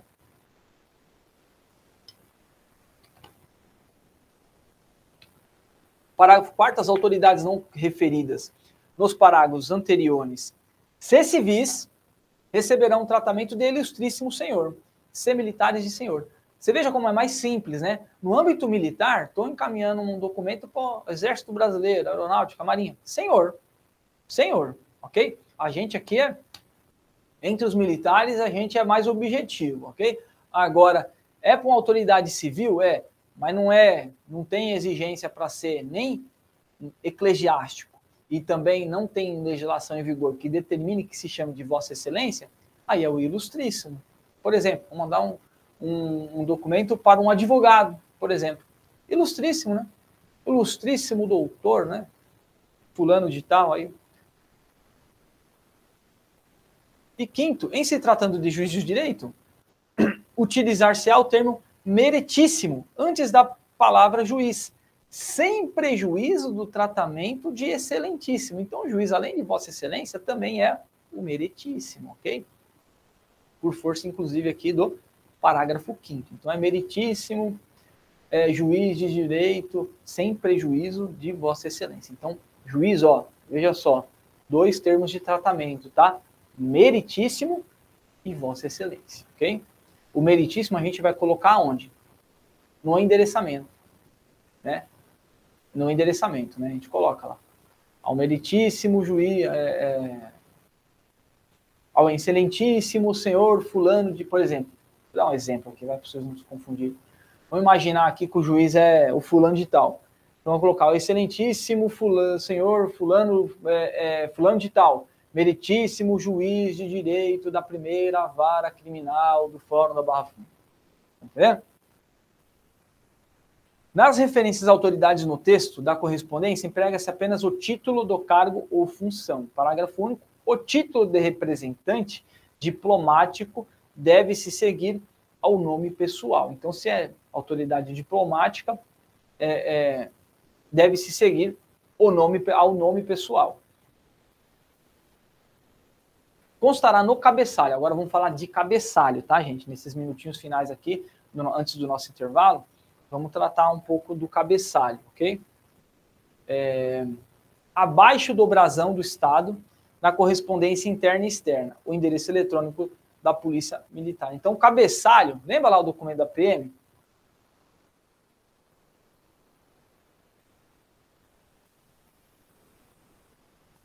Vamos imaginar que esse aqui é o cabeçalho, tá? E aí vem lá, é, Secretaria da Segurança Pública, né? Polícia, Polícia Militar do Estado de São Paulo. Aí vem lá, São Paulo, né? 15 de dezembro. E vai falando. Então, aqui é o brasão, ó. A gente tem o brasão, né? Tem lá o texto do cabeçalho. O texto do cabeçalho. E embaixo do cabeçalho? O que, que a gente coloca embaixo do cabeçalho? Né? A gente já sabe. É, endereço eletrônico da página da Polícia Militar na internet, que é o quê? Polícia Militar, é, é, Polícia Militar, né? E embaixo o endereço e o e-mail da OPM. Então a gente tem que ter é, é,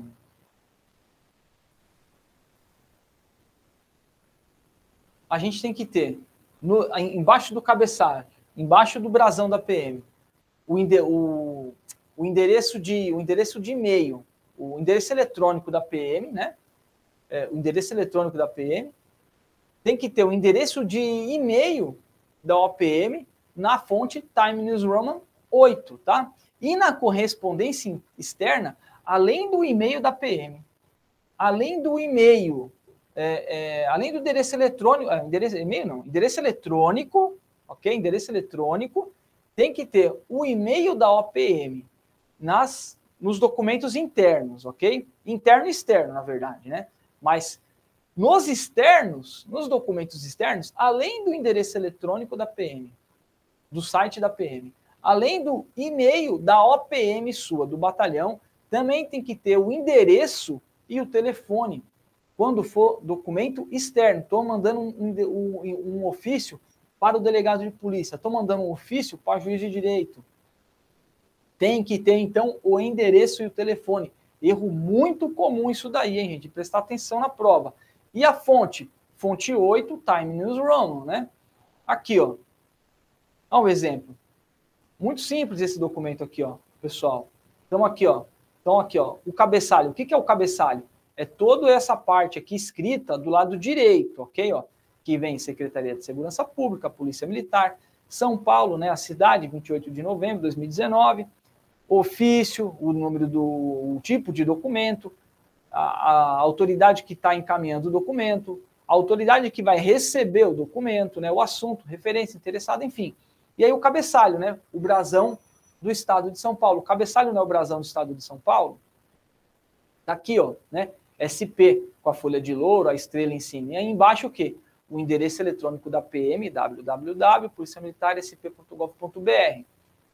É, CPC Conselho 2, aí aqui é o endereço de e-mail da OPM, da OPM, ok? Esse aqui, ó, esse é um documento que vai utilizar âmbito interno. Se é para âmbito externo, olha aqui o de âmbito externo âmbito externo, você precisa colocar, além do o site da PM e do e-mail do batalhão, que aqui está CPC Conselho 2, que são os conselhos de disciplina lá da, do CPC, é, pode colocar o quê? O e-mail do batalhão, que geralmente é primeiro bpmm, arroba Polícia Militar, ok? É, quadragésimo BPMI, arroba polícia militar. E assim, e assim vai. É, é endereço externo? Ribeiro, aí tem que colocar lá o endereço e o telefone. Gente, por que, que tem que colocar endereço e telefone em documento externo à PM?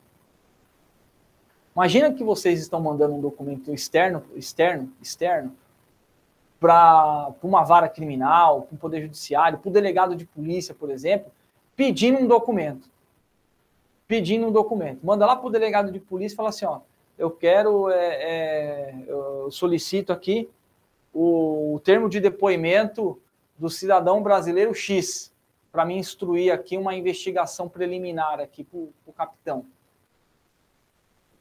E você não coloca o endereço e nem o telefone do lugar. O delegado vai mandar para quem?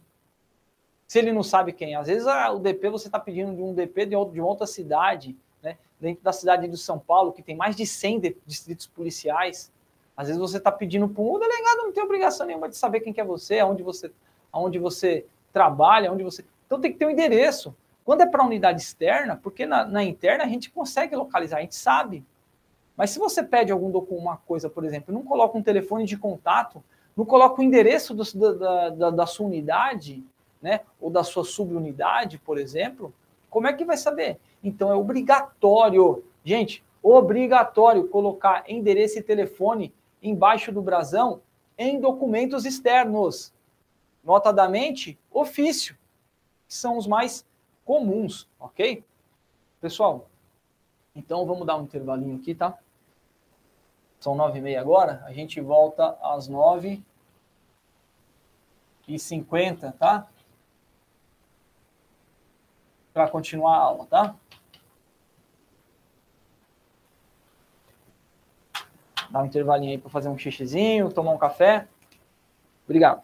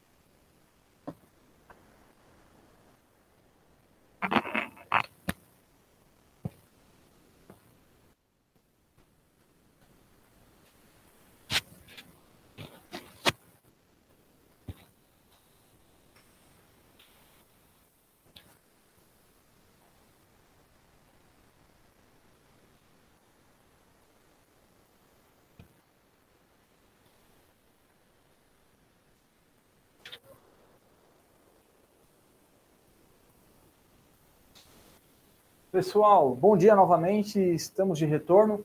O áudio está chegando? Verifiquem para a gente aí se o, áudio está chegando, tá? Se não tiver, deem um feedback aí, podem entrar até na aula aí e falar, ok? Não tem problema nenhum, tá? Ou manda por mensagem, se não estiver chegando. Tá chegando? Tá ok? Vamos dar andamento aqui à segunda parte da nossa aula de I7PM. Estamos hoje aqui só para estudar I7PM. É uma questão da prova ou duas aqui, hein? Tem concurso que já caiu duas questões de 7PM, tem questão que tem concurso aí que cai uma, tá? Então a gente vai estudar. Falávamos aqui sobre o cabeçalho, né? E a gente vai falar mais ainda sobre o cabeçalho aqui, tá ok? É, é... Documentos elaborados na máquina de escrever, tá? Gente, eu não vou aqui nem tratar disso daqui, tá? Que fala lá nos artigos 31 e 32 de documento é, é, feito pela máquina de escrever, né? Dificilmente isso daqui vai cair no concurso público, tá, gente? Vamos pegar a nossa, a nossa, a nossa, o nosso tempo aqui para falar sobre os editores de texto. Como é que vai fazer o documento no Word, tá? Os editores de texto do computador, tá? De forma digitalizada, não de máquina de escrever, ok? Artigo 33. É, a correspondência policial militar deve ser apresentada de forma estética utilizando-se o papel A4. Mais do mesmo, tá, gente? Que papel que vai utilizar se cair na prova? A4. É só o A4 que usa para correspondência, tá? Obedecendo as seguintes regras para elaboração de documentos em editores de texto. O que é o editor de texto? É o Word, tem um correspondente aí no, no, no, nos, no, nos, nos, computadores da Apple, né? É, é, é assim, eu estou falando do A4 aqui, que é o que a i7 coloca, tá? A I7 ela só faz referência a um tipo de papel aqui, tá? De tamanho A4. Ponto. Ah, mas tem outros documentos que é feito na PM aí é, em outro padrão de papel que não o A4. Tem, só que não é regulado pelo I7. Na prova do senhor vai cair 7 PM. Então atento a isso, ok? Editor de texto. Entrelinhamento. O entrelinhamento, espaço vertical entre as linhas, será de 1,5. Gente, o que é esse espaço entre as linhas? É a linha você vai estar escrevendo um parágrafo, por exemplo, primeira linha, segunda linha, terceira linha. Qual que é o espaçamento entre elas? Um e meio. Eu sei que tem muita gente isso daí falando que já tá, já sabe, pessoal que já, às vezes já trabalha na DM, ok? Para quem trabalha na rua e talvez nunca tenha feito uma parte, lá no lá no, no, na aba de parágrafo dentro do Word, né? Está no Word lá. Vá, vai colocar parágrafo, ele pede espaçamento entre linhas. Qual que é o espaçamento entre linhas? Um e meio. Um e meio, espaçamento entre linhas. O que é o espaçamento entre linhas, gente? Ó, deixa eu pegar aqui, ó. É isso aqui, ó. Cadê? Tá vendo o meu mouse aqui, ó? Começa do item 1. Entre a primeira linha e a segunda linha, o espaçamento aqui é um e meio. É um e meio, é isso que está querendo dizer, ok? Então vamos lá, a gente vai colocando aqui. Espaçamento entre linhas e meio. A margem superior será de 20 milímetros do cabeçalho. O cabeçalho, o, o cabeçalho não é a primeira coisa que você vai fazer no documento, sim. Tem que ter um espaçamento, então, de 20 centímetros, ok? Ó, vamos pegar aqui, ó. Fazer o documento aqui. Né? Aqui é o cabeçalho, né? Ó. Cabeçalho, o brasão da PM, né? Com a estrela, coisa e tal, os ramos de louro, né? E aqui o cabeçalho, né? Ó. Secretaria de Segurança Pública, né? Polícia Militar do Estado de São Paulo. Aqui, ó, 20 milímetros, tá, gente? Essa distância aqui, ó. Essa distância, então, 20 milímetros. Que é o quê? 2 centímetros. E a gente vai escrevendo agora cada um por um. Margem inferior. Olha lá, a margem inferior. Vamos fazer o documento aqui, então, né? O documento, a margem inferior, 1,7, tá? 1,7. 1,7 milímetros, né? Vai decorando isso aí. Margem esquerda, 30 milímetros, ó. Margem esquerda. Margem esquerda, 30 milímetros. Margem direita agora, 15 milímetros.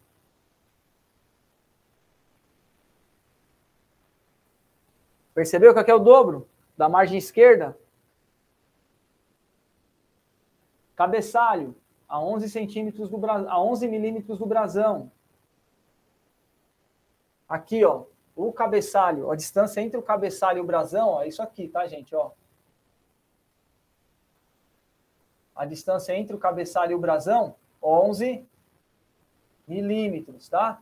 11 milímetros entre o cabeçalho e o brasão, não é para ficar colado. Rodapé ficará 9 milímetros. Então, veja só. 1 e 7 é do texto, tá? Vamos colocar aqui, imagina o item 7 aqui no negócio. Blá, blá, blá, blá, ok? E aí tem o rodapé, lembra do rodapé? Nós, policiais militares, estamos compromissados com a defesa da vida, da integridade física e da dignidade da pessoa humana. Nove. Então, do rodapé é nove, tá?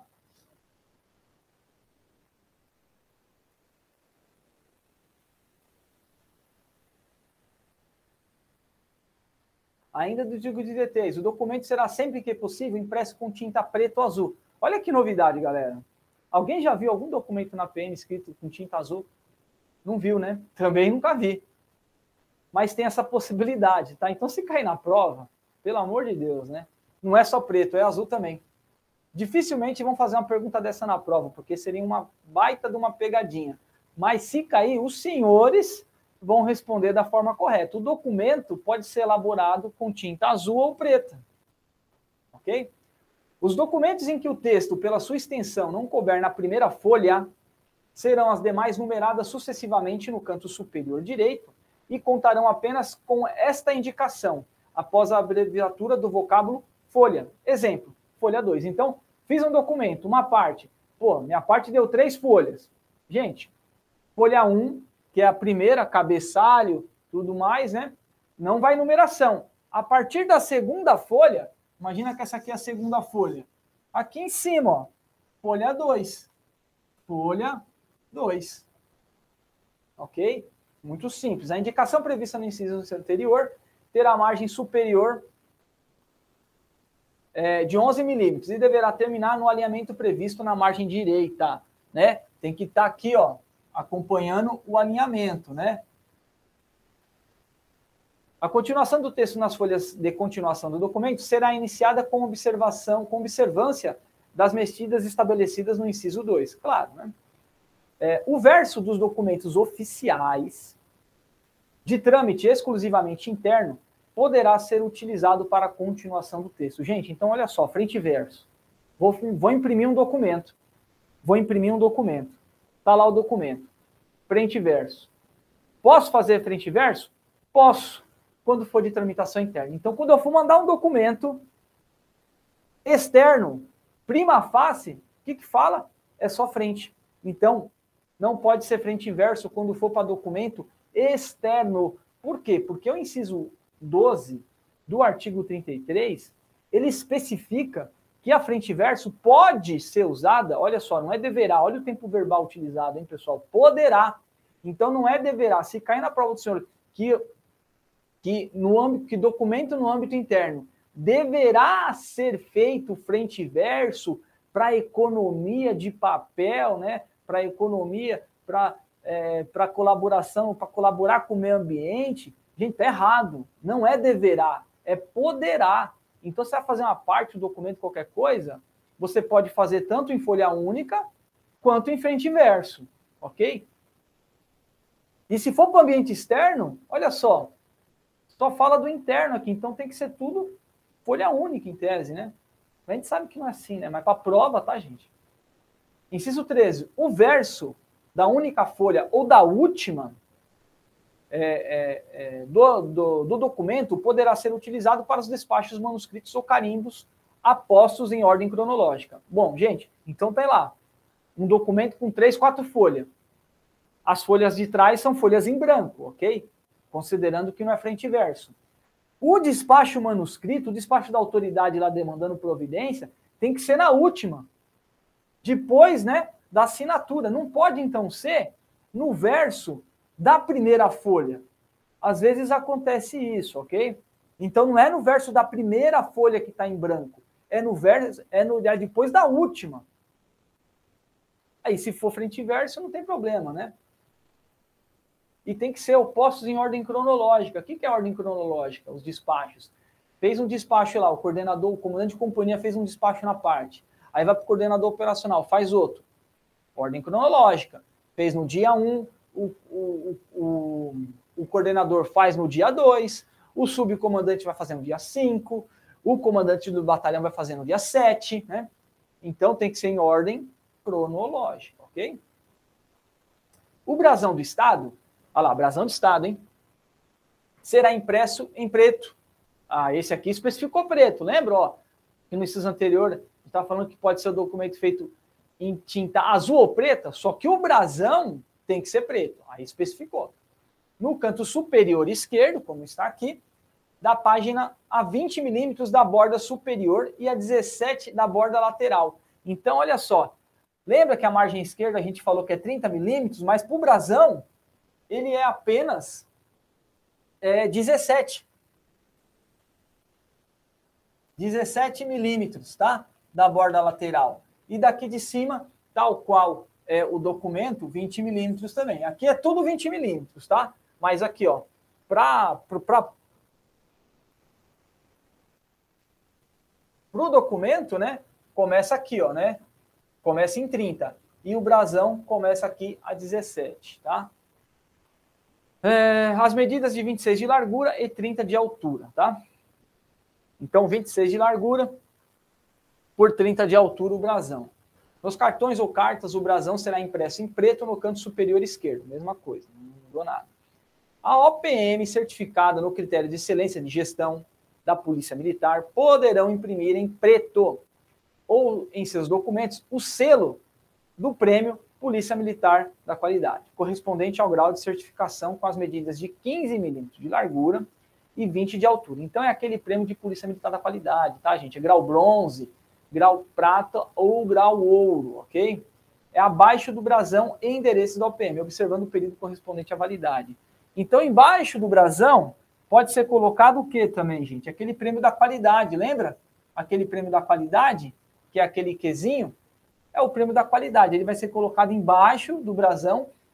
Só que embaixo do brasão, lembra? Tem o site da PM, o e-mail da OPM, o endereço e telefone da OPM quando é para documento externo, e abaixo de tudo isso vai o prêmio da qualidade, ok? E aí, qual que é a pegadinha aqui? Validade. Gente, uma OPM quando é certificada com o prêmio da qualidade lá de excelência de gestão, grau bronze, grau prata, grau ouro, tem prazo de validade essa caceta aqui para usar, hein?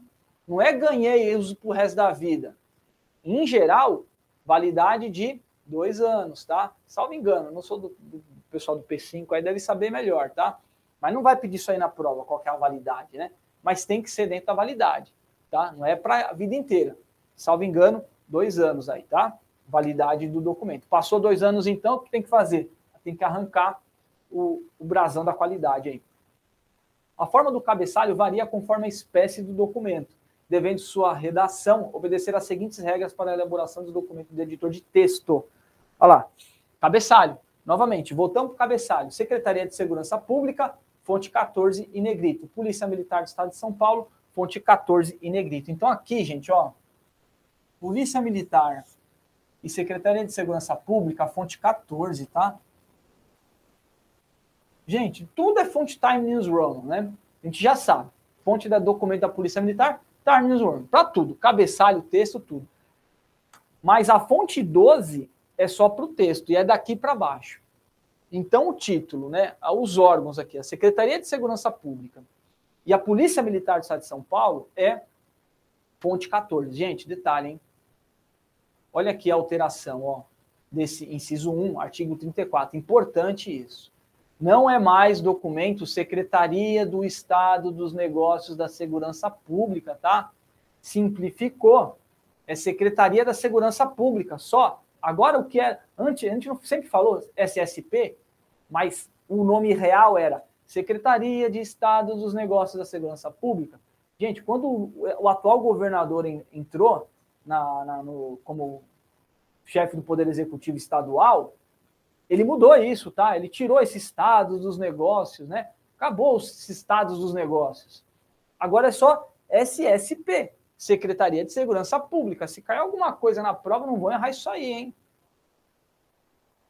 Terceira linha. O nome da localidade, município separado por vírgula do dia, mês por extenso e ano em que o documento foi elaborado e ponto final. Aí vem a data aqui, né? São Paulo, né?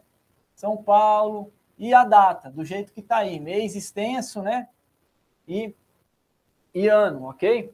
Na terceira linha. E aí, aqui, a partir daqui, gente, ó, tudo fonte 12, tá? A partir daqui, a fonte é 12. Fonte 14 é só secretaria, que vai ficar em letra maior, né? Letra maior. Quarta linha, designação do tipo de documento em letras maiúsculas, né? Tá lá, ofício, né? Ofício. Abreviatura do nome. Abreviatura de número, maiúscula, abreviatura de número, né? Maiúsculo. Ai. A sigla da OPM, que deverá ser aquela estabelecida na legislação vigente, sem indicação do sinal gráfico. Ou seja, 40, é você está lá no 40 BPMM. Não é 40, mas é 40 BPMM. Sem o tracinho, sem o, o, o ozinho e sem o hífen, ok? Sem traço, sem nada. Número do documento separado por barra, não é separado por hífen o prefixo numérico do órgão elaborador, separado por barra, os dois últimos algarismos do ano, e a palavra circular, tá? Palavra circular, quando for o caso, separado do ano com hífen. Vamos ver como é que ficou isso daí? Olha lá, olha o exemplo, né? Ofício, número, ofício, letra maiúscula, número, abreviado, mas em letra maiúscula, não N minúsculo, N maiúsculo. 37 BPMM, não 37 BPM barra M é sem hífen, sem traço ou sem nada. Aí os números, né? E lá, circular. Circular quando tiver, tá?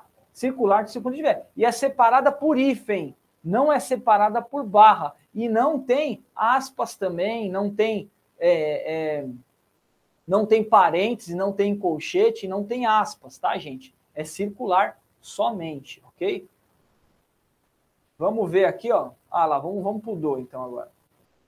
Quinta linha, a palavra do, né? Palavra do. A gente já sabe, do, né? A gente coloca lá, é, do fulano de tal ao ciclano, né? Do ao, né? Sexta linha, a palavra ao, seguida da expressão do tratamento adequado para a denominação do cargo. Sétima linha, a palavra assunto, né? E aí vai vir assunto e ponto final. Oitava linha, quando for o caso, aí assunto, gente, é, é, ponto final. Então começa aqui, ó, do, ao e depois assunto. Do, ao e assunto. E aí vai vir o um ponto final. Então tudo isso daqui, ó, sem ponto, do, ao, sem ponto e assunto, ponto. Porque a partir daí vai ter outros é, é, é elementos no cabeçalho se necessário for. Como? Referência, e aí vai colocar referência depois dos dois pontos, né? É, é, deve ser colocado em parênteses, né? Vai ter a nona linha, que vai ter o anexo. Se tiver anexo o documento, vai ter que colocar o anexo no cabeçalho. Na décima linha, interessado, quando você está tratando de algum policial militar, né? Quem que é o interessado? É algum policial militar, aí você vai escrever. Se tiver mais de um policial militar, você não vai escrever mais de um policial, policial interessado. Um, fulano de tal. Dois, cabo ciclano. Três, terceiro sargento fulano. Não, é só um, o mais antigo, vírgula, e outros. Ou e outros, se forem dois. Coloca o mais antigo e outros. Se forem mais de, de dois, aí é o mais antigo e outros. Então, interessado, você coloca só um e a palavra outro, né? Vírgula e outro. Se tiver mais de um e outros, se forem mais de dois, ok? A, o, não, o interessado, o nome do interessado, as letras maiúsculas, só as iniciais do nome. Não é o nome inteiro do policial em letra maiúscula, em caixa alta, ok? Quando houver mais de um interessado, acrescente-se a palavra e outros, né? Qualificação do mais antigo, acabei de falar, né? A fonte utilizada dos itens 3 ao 10 deverá acertar-nos no ramo 9. Então, aqui, ó, como é que ficou, gente? Ó, para a gente ter uma ideia, né? Olha lá. São Paulo, ofício do presidente ao senhor comandante, assunto, aí eu vou colocar apresentação de policiais militares, referência, processo administrativo disciplinar, né? Referência, essa referência é um, P, um PAD. Interessado, aí coloca lá o nome do interessado. Aqui não teve outro, né? Mas se tem outros, vírgula, e outros, né? E coloca depois do interessado a unidade do cara, tem que ter. Ok? Tranquilo, né, gente? Isso aqui tranquilão. O mais importante que a gente tem que ter aqui, é, é, noção aqui é, é os espaçamentos, a fonte, né? A secretaria, Polícia Militar, que são fonte 14. E assim vai. 35. A elaboração do texto do documento deverá obedecer às seguintes regras. O texto poderá ser desdobrado em itens, subitens e divisões destes, de modo que as ideias se apresentem definidas em cada um deles em correlação com anteriores. A gente não passou aqui, ó, né? Que tem que ter os itens, subitens, né? E tem que ter mesmo, né? Dessa forma, né? Comecei o texto lá, né? Item 1, blá, blá, blá, item 1, ponto 1. Olha só, aqui eu comecei com letra maiúscula.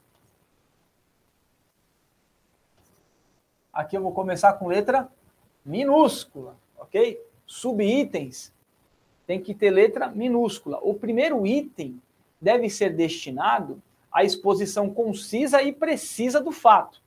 Então, primeiro você vai descrever a, a, o fato, apresentação do problema ou comunicação de uma, de uma situação já existente. Os textos terão itens numerados em algarismos arábicos. O que, que são os algarismos arábicos, gente? É isso daqui. É 1.1, 1.2, 2, 3, entendeu? 3.1, 3.1.1, 3.1.2 e assim vai, ok? Podemos ter ainda 3.1.2.1 sempre se seguindo nessa regra, ok? É, seguidos de ponto e espaço em branco após o que será grafada a primeira letra da linha, em letra maiúscula, sendo facultativo o uso dessa numeração para documentos externos à instituição.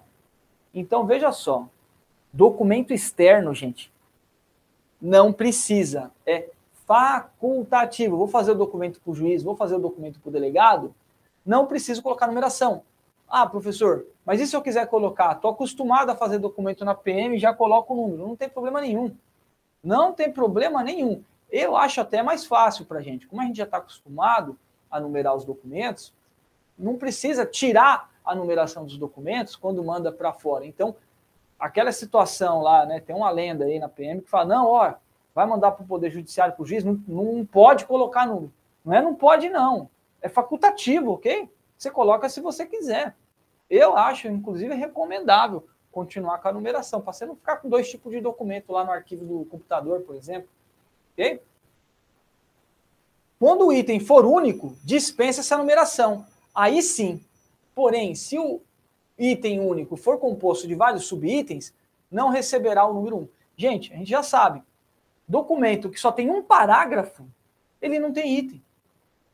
Agora, se tem um item e um subitem que seja, ou seja, não é nem dois parágrafos, é um item e um subitem. Na verdade, são dois parágrafos, né? Mas é, mas é um continuidade do outro. Por exemplo, 1 e 1.1. Aí já tem que numerar. Né? A gente sabe, aquele documento simples, encaminho a Vossa Senhoria para conhecimento e providências pertinentes. Que é uma linha só. O documento é uma linha. Um parágrafo não precisa de numeração. Aliás, não é que não precisa não é para colocar, porque a norma fala dispensa-se. Esse é o único caso que será obrigatório não colocar a numeração. Qual o único caso quando tiver apenas um parágrafo? Então, se cair na prova dos senhores, qual é o único caso, qual é o caso que não será colocado numeração no documento? É quando houver apenas um parágrafo. Ok? Documento externo, então, é facultativo, a gente já sabe. Os subitens e divisões dos subitens terão seus textos iniciados com letra minúsculas. Então, todo subitem, gente, ó, é letra minúscula, tá? começa com letra minúscula. Item não, item começa com letra maiúscula, né? E no final de cada subitem é ponto e vírgula. No final de item, ou pode ter dois pontos, olha só, dois pontos, por quê? Porque vai ter um subitem. Aqui tem subitem? Não tem, então é ponto final. Ok? Aqui tem subitem? Não tem. Então é ponto final. Ah, tem, tem subitem. Opa, então é dois pontos. Aqui tem subitem, tem, opa, ponto e vírgula. Subitem, opa, ponto e vírgula. Subitem, opa, ponto e vírgula. Aqui, na verdade, ó, tem um item, dois pontos. Subitem, não tem mais subitem aqui no nosso exemplo, então é ponto. O último subitem é ponto. Quando tiver mais de um subitens, eles são separados ponto e vírgula. Chegou no último subitem e começa lá, aí é ponto de novo já sabem, né? Só para deixar bem explicado. Vamos fazer um exemplo aqui, ó. Esclareço a vossa senhoria que em blá, blá, blá, blá, blá, na seguinte conformidade. Dois pontos, subitem, 1.1, letra minúscula, o policial militar, blá, blá, blá, ao DP, ponto e vírgula, continua outro subitem. Eu errei aqui, tá? 1.3, devia ser 1.2, tá, gente? Isso é para ver se vocês estão atentos. Mesma coisa, começa a letra minúscula, ponto e vírgula. Olha lá, o item ponto 2 ficou atrás no ponto 3, está errado, né? Em continuidade, sobreveio a informação encerrando-se a ocorrência, ponto final. Acabou os subitens desse item, ok? Tranquilo, gente? Tranquilidade, né? Vamos falar agora sobre é, corpo do texto e rodapé. Tá? A fonte utilizada para a confecção do corpo do documento, Times New Roman, tamanho 12, devendo o primeiro item ficar três espaços verticais da última linha do cabeçalho dos documentos elaborados. Tá? Então aqui, gente, ó, vamos voltar aqui um pouquinho. Deixa eu voltar aqui, ó, para mostrar para os senhores aqui rapidamente. Aqui. Ó, esse espaço aqui, ó, cabelo cabeçalho, ó, ó meu, meu mouse aqui, ó. Onde está meu mouse aqui? O que, que é, gente, isso aqui? Três espaços, tá? Três espaços. Então, tem o cabeçalho, vai começar o primeiro item, o espaçamento que tem que ser dado, três espaços. Não confundir com espaçamento entre linhas. Espaçamento entre linhas aqui, ó. Cadê meu mouse aqui, ó? Entre linhas, tá? Entre linhas é um e meio não significa que são espaços. Aqui é espaços, três espaços. Agora, a fonte a gente já sabe que é Times New Roman e o rodapé ficará na inscrição. A gente já sabe, nós, policiais militares, sob a proteção de Deus, estamos compromissados com a defesa da vida, da integridade física, da dignidade da pessoa humana, né? Com fonte Times New Roman, de novo, mesma fonte, tamanho 7, não é mais tamanho 12. E não é tamanho 8, igual no, o site, o e-mail, o endereço e telefone que tem que ficar embaixo do brasão. Lá é fonte 8, tá? Então, fonte 14, SSP e Polícia Militar. Fonte 12, corpo do texto. Fonte 8, e-mail e site da PM. E fonte 7, o rodapé, ok? Bateu? E mais, né? Rodapé, fonte 7, em negrito, em itálico e centralizado. Tem gente que esquece, sabe o que, pessoal? Negrito. Então, o rodapé, os nossos policiais militares, é em negrito, tem que estar tá negritado, tá? E mais, tem que ter um traço em cima. Lembram-se, né? Nós, policiais militares, estamos, blá, blá, blá, né? Tem que ter o traço aqui, ó. E ele tem que estar tá centralizado no documento. Fonte 7, ok? Sendo inserido apenas na última folha. Isso aqui é informação importante também, ó. Dá o um exemplo aqui, né, ó, do documento, do, do, do rodapé. Fiz uma parte, tem três folhas, tem duas folhas, tem mais de uma folha. Só vai o rodapé na última folha. Então, cuidado, tá? Porque quando você insere um rodapé no documento do Word, por exemplo, ele costuma repetir em todas as folhas. Aí você vai ter que fazer uma mágica ali para tirar ele é, de todas as folhas e colocar somente na última, ok? A correspondência dirigida a autoridades externas deverá conter a frase de cortesia. Lembra que a gente falou da frase de cortesia que era para tirar? Só que quando documento externo, estou mandando para o delegado de polícia, estou mandando para o juiz de direito, eu coloco.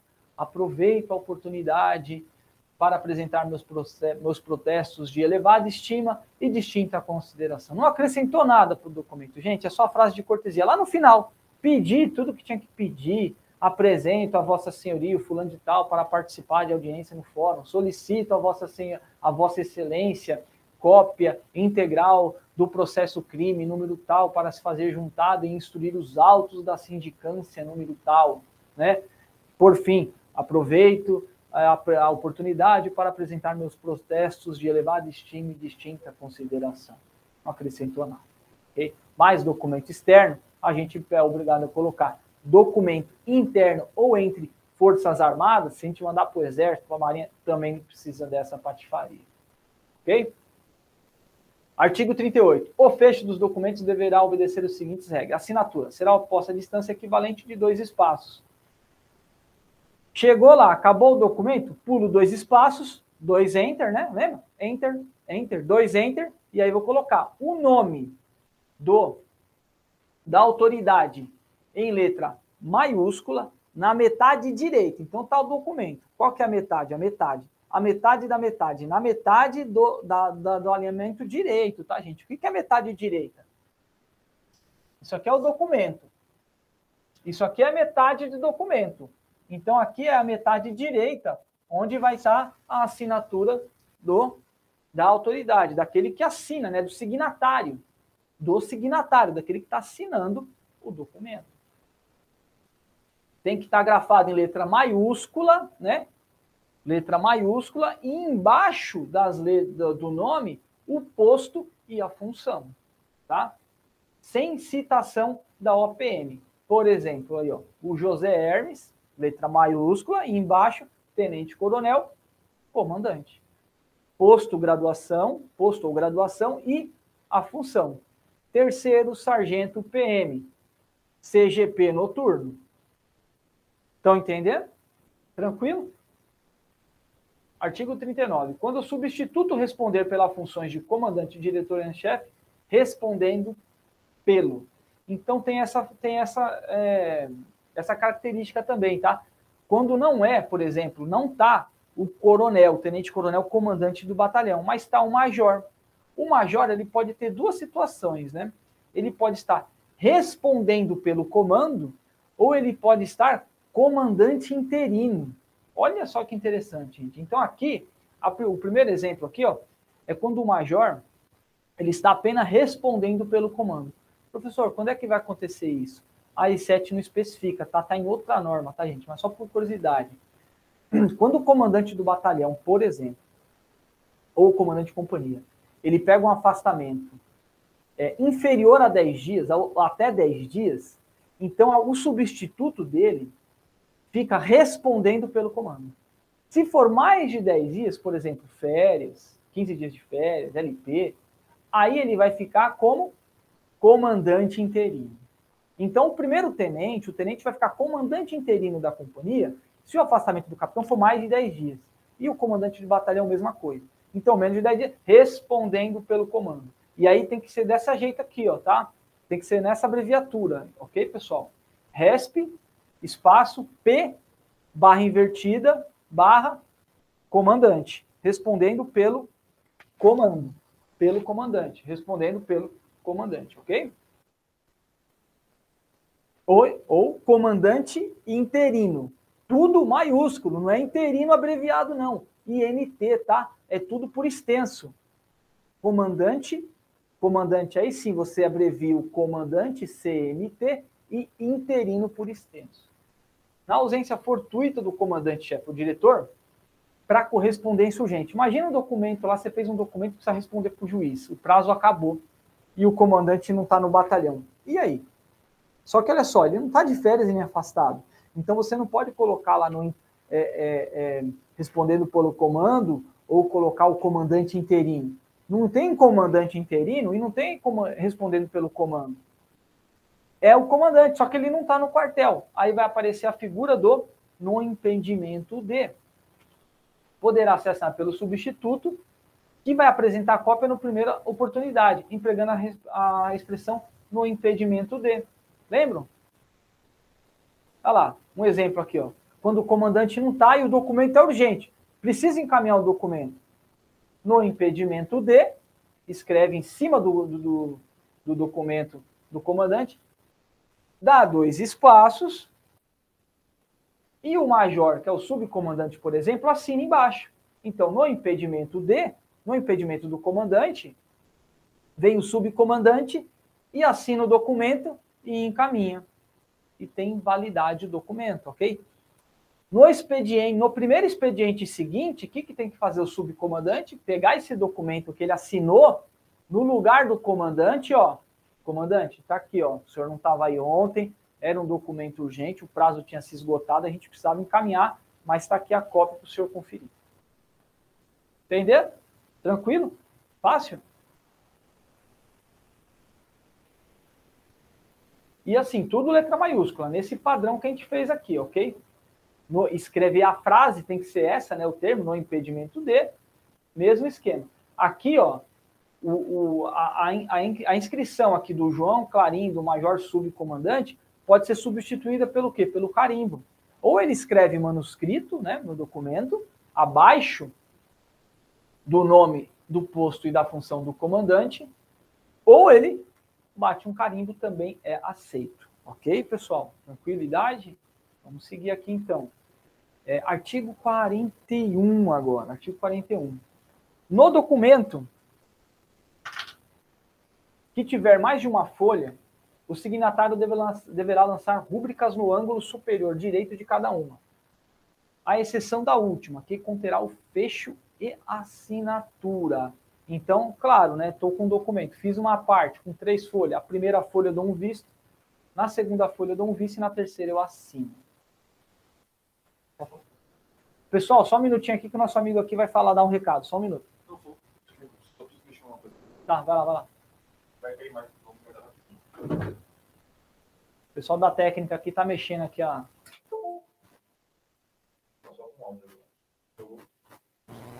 Travou um pouco aí, tá, pessoal? O vídeo, tá? Vocês estão conseguindo não me ouvir ainda, né?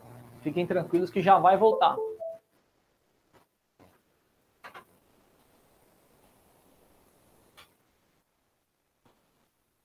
Fiquem todos aí, tá tranquilo. Desculpe, muito obrigado. Valeu. Pessoal, voltamos. Viu como foi rápido? Só da técnica que é milhão.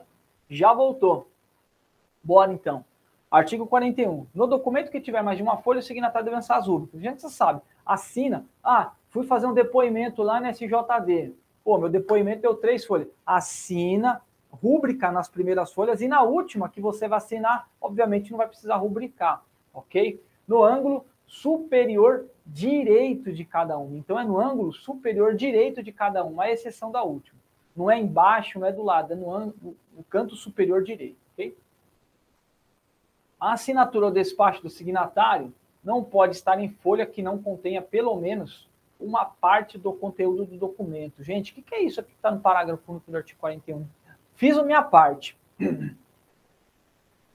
Só que é o seguinte, é, não coube a minha assinatura na folha 1, só coube na folha 2. Não posso. Eu não posso terminar o documento só com a minha assinatura. Não posso terminar o documento só com a minha assinatura. Eu não posso ter uma folha, fiz um monte de uma parte lá com 3, 4, 5 folhas, a última folha só tem a minha assinatura com o meu posto de graduação. Não posso. Aí eu vou ter que dar um jeito, né, de colocar parte do documento nessa assinatura que eu estou fazendo também. Parte do texto. Parte do texto tem que estar, do contrário não vai poder, ok? Os comandantes diretor ou chefes de OPM poderão delegar a oficiais subordinados atribuições relativas à prática de atos de expediente que originariamente lhes competiam. Então, alguns documentos, algumas é, situações de de, de determinação pode ser delegada. Por exemplo, apresentação de policial militar em fórum, em juízo. É muito comum isso. Porque quem que tem que apresentar o policial? O comandante. Né? O comandante do batalhão é que tem que apresentar o, o, o policial em juízo, tá? porque é o público externo, ok? Mas geralmente quem que faz? O próprio oficial SJD. Então, o comandante ele delega para o oficial SJD, para o oficial de Polícia Judiciária Militar e Disciplina, o quê? A incumbência de apresentar o policial. Basta também que ele faça isso, né?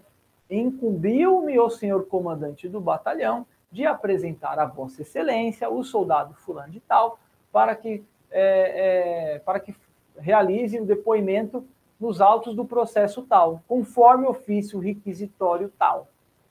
Muito simples, ok?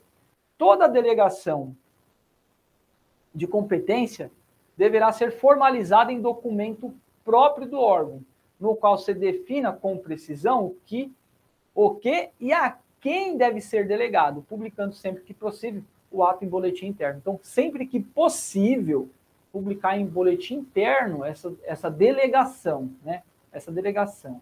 Essa da apresentação de policiais geralmente tem publicação em boletim. Mas o comandante, sempre que possível.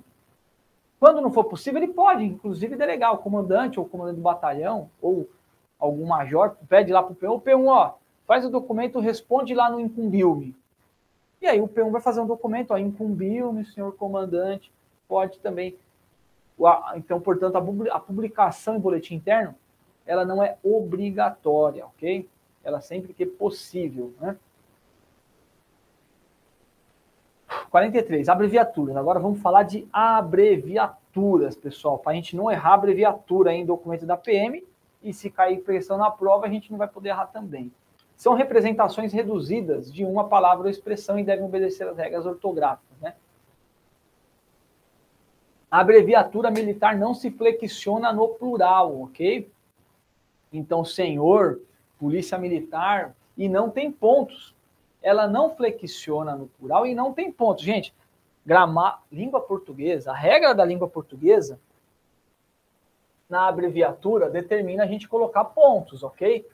Só que é o seguinte, na Polícia Militar a gente vai escrever lá Polícia Militar do Estado de São Paulo. A gente não coloca ponto, ok? É uma sigla. Polícia Militar é uma sigla, abreviatura de soldado. Soldado PM. Não vai ponto. Não vai ponto, ok? Capitão PM. Não vai ponto, ok? E não vai no plural também. Você pode tratar de capitão PM no plural, mas ele não flexiona. As siglas serão abreviaturas formadas por letras, pelas letras iniciais das palavras de um nome ou título. Devem obedecer a seguinte: são grafadas sem pontos, não se flexiona no plural, letra maiúscula ser compostas unicamente das iniciais dos órgãos, né? Ou seja, por exemplo, é, primeiro batalhão de polícia militar. Se é uma sigla, se é só a primeira letra, tudo maiúsculo. Se é a primeira letra, mas é uma abreviatura, né? Como capitão, é só CAP ou soldado SD, então não vai ter é, as, segundas, as segundas e demais letras minúscula. Por exemplo, é,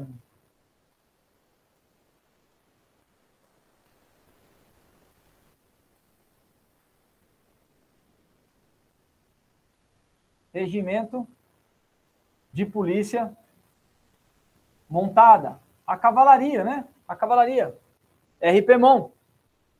Regimento maiúsculo, só o R, polícia é maiúsculo, montado, opa, o montada foi abreviado, então fica minúsculo, ok? Fácil isso aí, né? Tem aqui ó, os exemplos aqui que a gente citou também, ok? É vedado o uso de abreviaturas nas correspondências externa. Então, regra geral, é, documento externo a gente vai escrever inteiro, ok? Vai escrever por extenso. Primeiro Batalhão de Polícia Militar Metropolitano. Não vai ficar BPMM, BPMI. podendo, né, entretanto, empregar-se as siglas, desde que, na primeira vez que forem utilizadas, venham precedidas de seu significado por extenso. Deu um exemplo aqui, ó, segundo Batalhão de Polícia Militar do Interior. Aí você coloca entre parênteses, segundo o BPMI. E aí, quando você for citar o documento de novo, aí você pode, é... aí você já pode colocar ele abreviado, porque você já citou ele uma vez e já constou ele em parênteses abreviado, ok? Aí você só repete a abreviação para o documento não ficar, né, toda hora ter que ficar escrevendo segundo batalhão de polícia militar do interior. Aí você coloca e vai repetindo só a sigla, ok? A data, o emprego de data deverá obedecer às seguintes regras. Gente, data a gente já sabe, tá? Como é que tem que ser empregado data? Número em arábico, né? 01, junho, os três primeiros, as três primeiras letras dos meses, as três primeiras letras dos meses, ok? Então não é JNH, é junho, né? Em letra maiúscula. Designação do ano, com os dois últimos dígitos do ano. Se é 2020, é 20. Se é 2021, 21. Se é 2019, 19. E assim por diante. Data hora. O grupo data hora a gente já sabe também, né? Vem primeiro o dia, 06, seguido das horas, né? No caso aqui, 8 e meia da manhã, né? 08 e 30, sem, sem colocar H, sem colocar min, né? De minutos a designação do mês, tal qual na data, os três primeiras, as três primeiras letras do mês, né, em letra maiúscula, e a designação do ano, com as duas últimas letras do ano. 2002, 02. Então, no nosso caso aqui foi dia 6, 8 horas e 30 minutos do mês de junho do ano de 2002. Muito simples, tá? Vamos perder tempo isso aqui, né? É, de toda correspondência expedida, deveria ser tirar cópia é, a carbono de cor azul ou preta, ou, ou reprográfica, ou impressão de segunda via destinada a arquivo no APM. Então, de todo documento tem que fazer cópia. Tem que ter uma cópia. Na prática, né, gente? Na prática, hoje em dia a gente sabe que é, é, não é muito feito isso. A gente guarda lá um arquivo eletrônico e está tudo certo, né? Mas, ó, obrigação aqui para prova é isso, ok? Fala até de carbono, né? Quem tira copo em carbono hoje, né? Deve ter alguém que faz ainda aí, mas é, é mais incomum, ok? O mais correto, o mais simples aqui para a gente é a segunda via, né? Imprime duas vezes e tá tudo certo. Pode-se, então, é, enviar cópia dos expedientes às autoridades que, embora não sendo as destinatárias, tenham interesse direto no assunto entre eles tratados. Pode acontecer, então, também. Por exemplo, o comandante do batalhão que manda o documento para o comandante de CIA. Já citei isso aqui, inclusive. E aí, na cópia, o que a gente faz? Manda é, é, é, para eles uma cópia do documento para o coordenador operacional, por exemplo, para que ele tenha ciência. Simplesmente. Ele vai ter ciência daquele documento. Mas o destinatário não é ele, é o capitão. Neste caso, a cópia deverá conter a expressão para conhecimento, como a gente já tratou. Né? Ao lado esquerdo, dois espaços abaixo da assinatura, deve ser grafada a palavra distribuição, onde serão indicados os destinatários que devem recebê-las e a quantidade de cópias emitidas. Esse caso aqui é quando você faz um documento, por exemplo, vem documento do comandante geral, né? Ou documento do comandante do CPC, do CPM ou do CPA, que é para os batalhões, que é para as companhias, né? E aí, dessa forma, né, do lado esquerdo, abaixo da assinatura do documento, tem que estar a distribuição para quem que é, para cada batalhão ali que vai ter que ser designado ou companhia, ok? As cópias de correspondência podem ser, aí falando de cópia ainda, cópia simples, quando reproduzida por qualquer meio de copiagem, né, com carimbo, é, é, podendo ter carimbo ou impressão na tela, né? Cópia, quando é que você vai designar a cópia do documento? Ou vai bater o carimbo ou vai imprimir. Muito simples. Pode ser autenticada, o que é a cópia autenticada? Cópia autenticada é quando vai ter ali é, é, autenticação produzida é, é, por copiagem eletrônica, contendo carimbo de autenticação de cópias de documento, né? Cópia autenticada, tem que ter aquele carimbo de autenticação. Inclusive, pode ser feita em cartório, a cópia autenticada, né? É, ou pelo próprio policial militar que pode autenticar aquela cópia, ok? quando o documento for datilografado ou digitado em inteiro teor. É, o fornecimento de cópia ou informação de qualquer documento singular ou assunto pertinente ao órgão deverá ser procedido de autorização do chefe da respectiva repartição a que se refere o termo. Então, ó, alguém quer uma cópia de algum documento. Quem que vai autorizar? O chefe da sessão. É o chefe da sessão. Ah, mas foi o, o comandante aqui que assinou o professor. Não importa se foi o comandante. É o chefe da sessão que está arquivado o documento P1, P3, P5, P2, SJD é que vai fornecer o documento. Autorização, então, do chefe da repartição, ou seja, da sessão. Todos os órgãos deverão designar pessoas em sua organização para o trato de documentos, visando o recebimento, controle, registro e expedição. Gente, quem que é a pessoa, né? No caso aqui, policial militar, né, gente? Policial militar que trabalha com controle, registro, expedição e arquivo. É o protocolista, né? Toda a sessão ali, não tem aquele específico, né, protocolista, mas toda a sessão tem alguém ali que fica com a função de ser protocolista, ou às vezes até não tem é, o que receber ali, faz a função, né? Ou um protocolo geral do batalhão, né? Como alguns batalhões têm, né? Para o arquivamento, a correspondência deverá conter o despacho final decisório, indicando a solução adotada antes desse ato seguida da expressão arquive-se em letras maiúsculas. Gente, então é o seguinte: todo documento, segundo a I7PM, tem que ter um despacho decisório. Ainda que não demande providências, ainda que, mande, que demande arquivo, né? Ou só arquivo, arquive-se. É aquele arquive-se do chefe da sessão com um carimbão dele. Tem que ter antes de ser arquivado o documento. Então, se tem alguém aí que faz a função de protocolista, né? É, é, ou eventualmente também acumula esse tipo de função, tem que prestar atenção nisso. Vai arquivar o documento? Vai. Peraí, mas tem algum despacho aqui de alguém? Tem um despacho de arquivo-se? Obrigatoriamente tem que ter o um despacho de arquivo-se após as providências que foram adotadas concernentes àquele documento para que seja arquivado. A gente, né, na prática, né, certamente o senhor já deve se deparado com coisa que não funciona bem assim. Mas aí 7 é desse jeito que determina e é desse jeito que os senhores têm que pensar na hora de responder para a prova.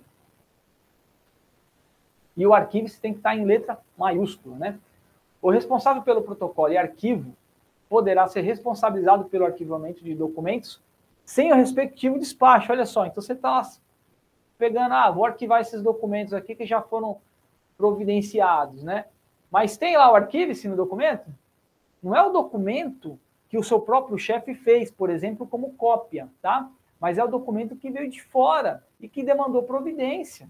É esse que tem que estar providência escrita e o arquivo, tá, gente? Fala ainda, né?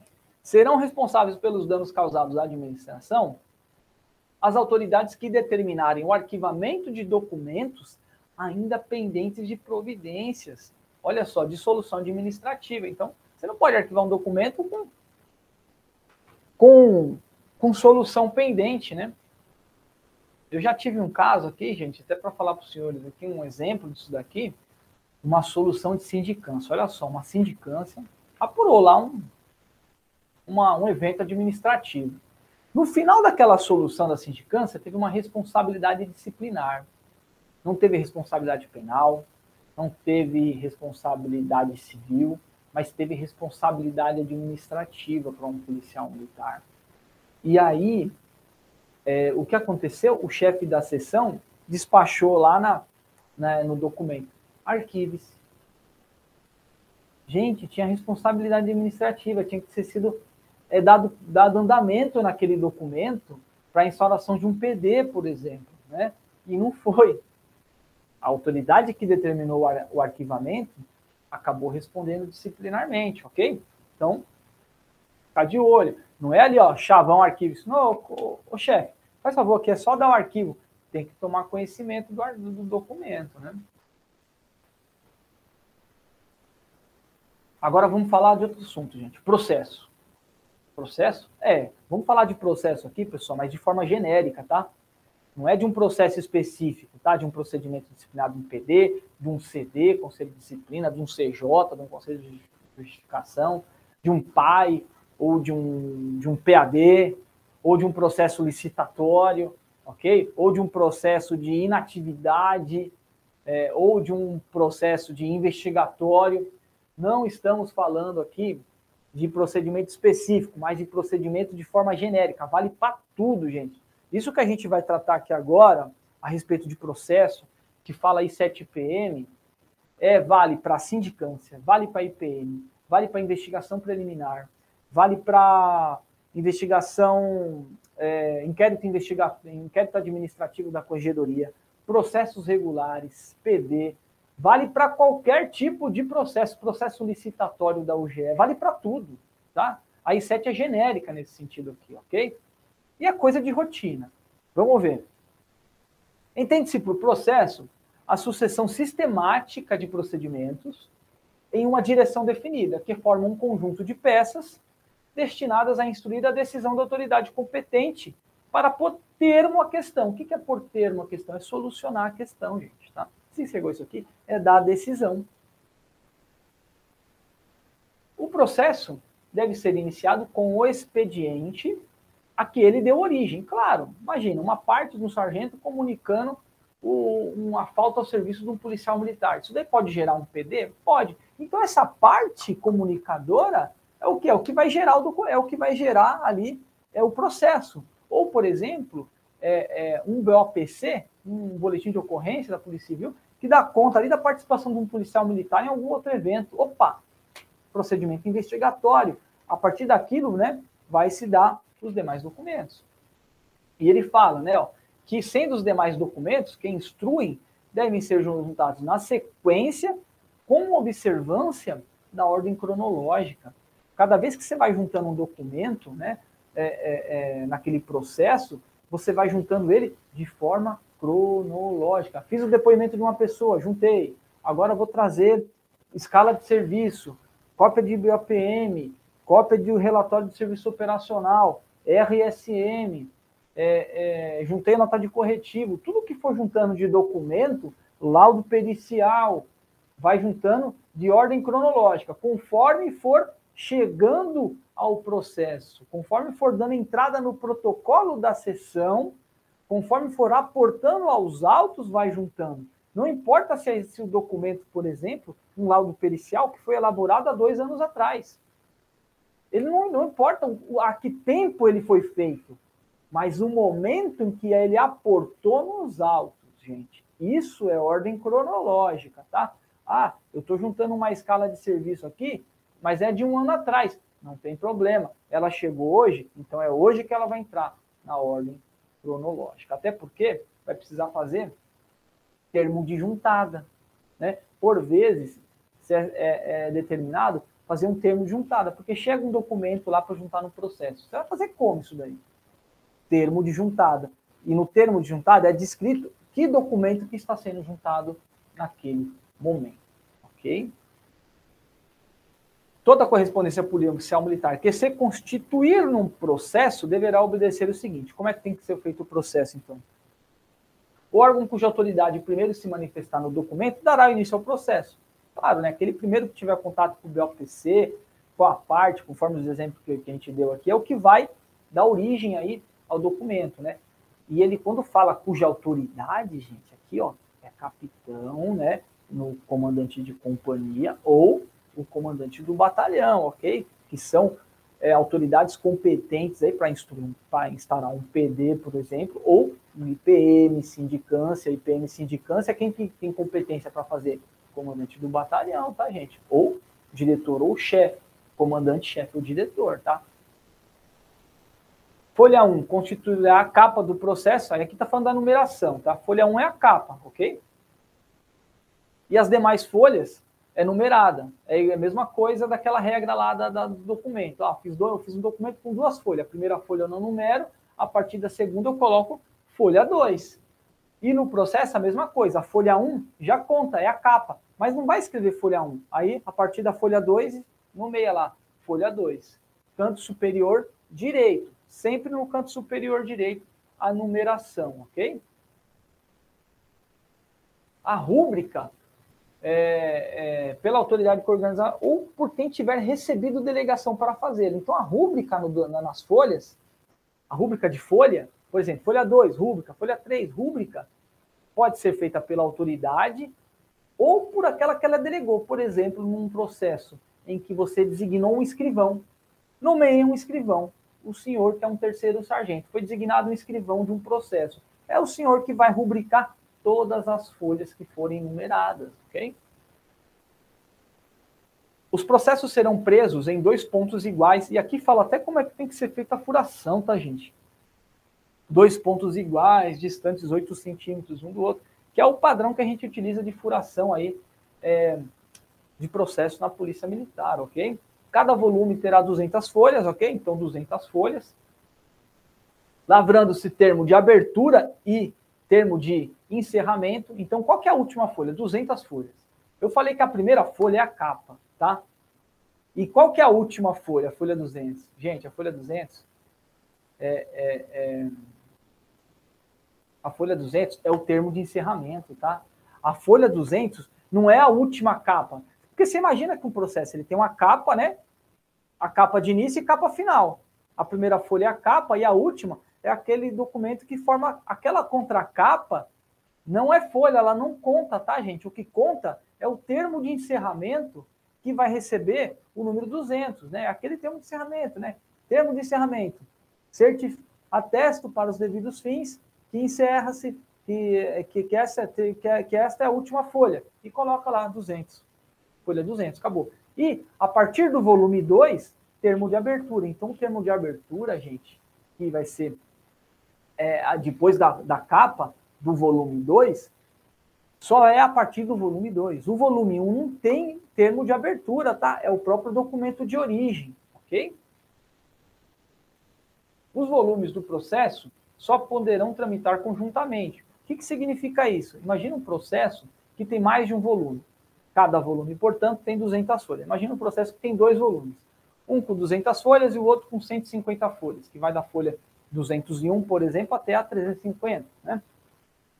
Dois processos, dois volumes.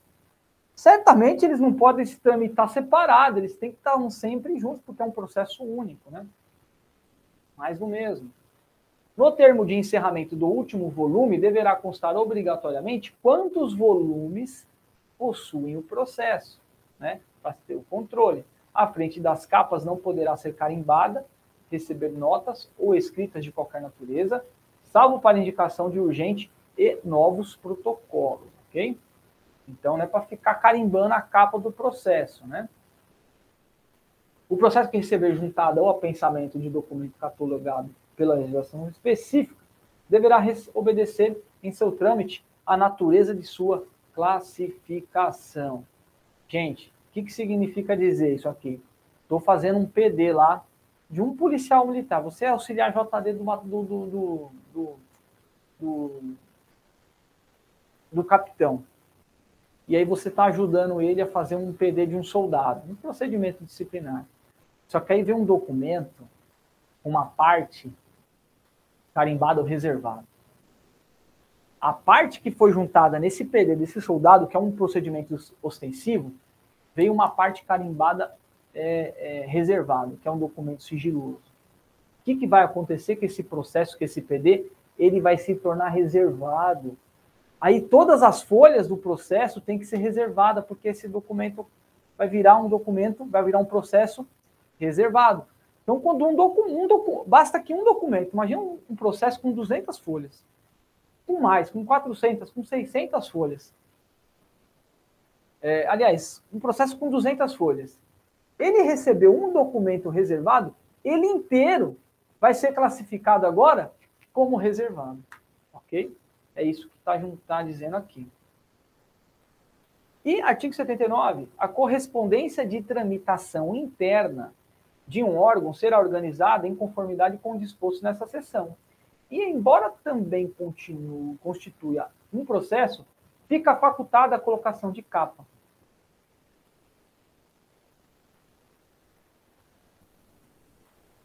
Artigo 85. Todas as referências feitas a documentos constantes de um processo devem indicar o número da folha respectiva. Gente, o que é isso daqui? É, isso aqui com referência à instrução de processo também, tá? É, é, as referências. Eu estou escrevendo lá, por exemplo, chegou na, na parte de fazer o relatório da sindicância, o relatório do IPM, o relatório do processo regular. Eu vou citar lá, olha, a escala de serviço do dia é, 1 de janeiro de 2022. Então, eu preciso dizer aonde é que está essa escala. Por exemplo, aqui, ó, as folhas 15. Eu não posso citar, referenciar, mencionar um documento dentro de um processo sem indicar as folhas que ele, que ele está. Porque senão eu estou falando que essa escala de serviço, mas aonde que está essa escala de serviço? Existe essa escala de serviço? Isso não existe. Como é que eu vou comprovar aquilo que eu estou falando? Aquilo que eu estou afirmando no documento? Eu preciso dizer aonde que está no documento. Olha, conforme é, é, ficou verificou-se que o policial militar estava embriagado nesse dia, conforme laudo de verificação de embriaguez emitida pelo IML, conforme as folhas tais. Eu não posso dizer de um laudo, mesmo que ele esteja nos autos, mas sem indicar as folhas. Eu preciso indicar as folhas para até facilitar aquele que realizará a leitura do documento, ok? Artigo 86. A correspondência quer instruir um processo limitar-se-á ao seu assunto e, quando fizer menção à legislação ou outro documento, será instruída com a transcrição do texto invocado a cópia deste.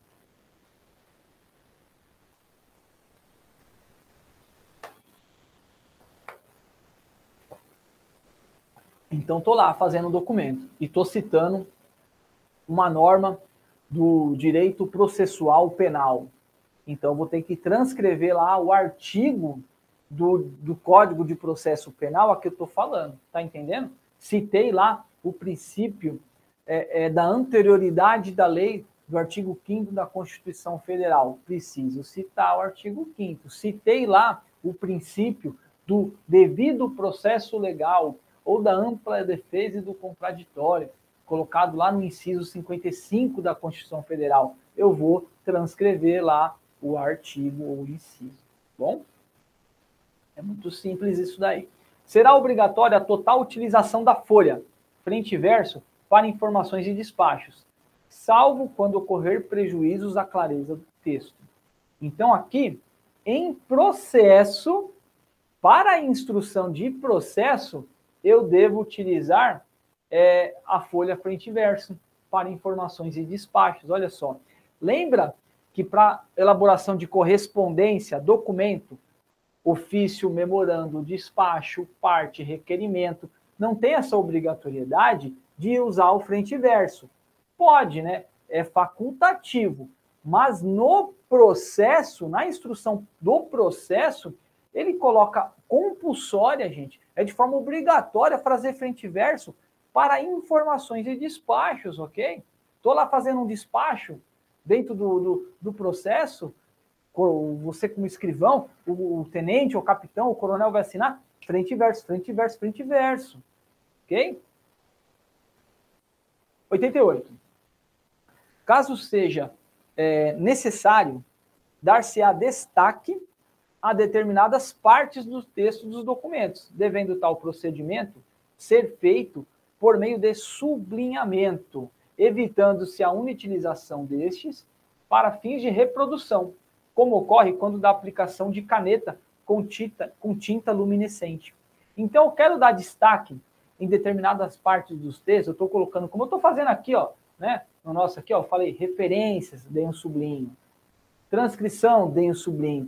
Tá vendo que ele não está falando para colocar em negrito? Ele está falando sublinhamento. Só que a gente faz negrito, a gente faz também. Tem problema? Na prática, não. Né? A gente sabe que isso é normal, tá?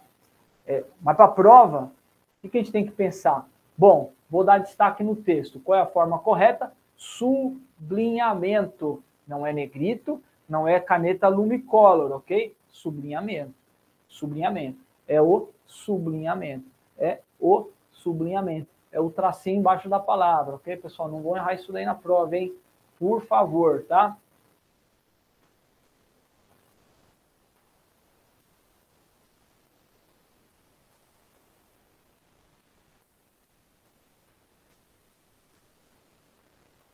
ainda acerca das instruções do processo. Ó. Capa dilaceradas não poderão circular, devendo ser sobreposta a nova capa, Gente, não é tão comum, mas também não é raro. Ter um processo, por exemplo, com a capa toda cagada. Vai para um lado, vai para o outro, vai para um lado, vai para o outro, ela acaba se desgastando, porque é papel. É papel, é durex, né? É fita adesiva que se constitui a capa. Tá ruim a capa, o que, que você faz? Faz outra. Arranco e coloco outra, não. Sobreposta. Aquela capa toda rasgada, já suja, caiu café em cima na hora que eu fui tomar um cafezinho na, na, na, Meu, faz a sobrecapa, coloca sobre ela, ok? Pega o processo e faz outra capa por cima. Né? As retificações da capa de um processo serão precedidas pelo órgão de origem. Então, é o órgão de origem que precisa fazer a capa. Por exemplo, está instaurando, está fazendo, está instruindo um PM, né? você é terceiro sargento, é escrivão de um inquérito policial militar. O inquérito está rodando já faz uns oito, oito, nove meses, um ano. Voltou, bate e volta na justiça militar. Quando chegar lá, voltou da justiça militar, todo rasgado. É a justiça militar que vai fazer a, a capa desse processo? Não, é você. É o batalhão, que a origem do IPM foi ali. Então ele tem que ser feita a capinha por quem fez a origem, ok?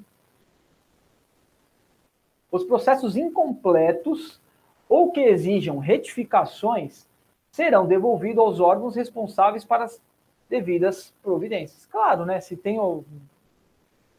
Fiz o IPM, mandei lá para o CPA que instaurou. Imagina o CPA que instaurou o IPM e designou lá o chefe da JD do seu batalhão, né?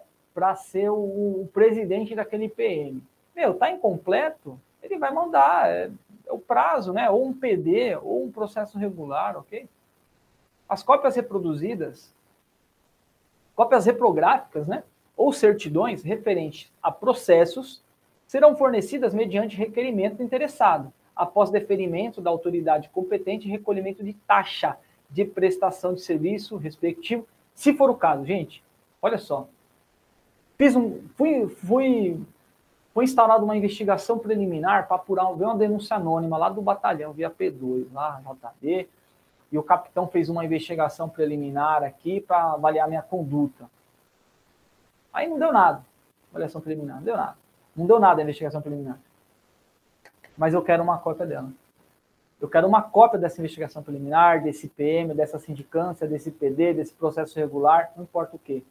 Eu posso ter acesso a cópia, eu posso ter uma cópia para mim? Para mim? Eu, é, Jonathan, eu, o soldado fulano de tal? Posso.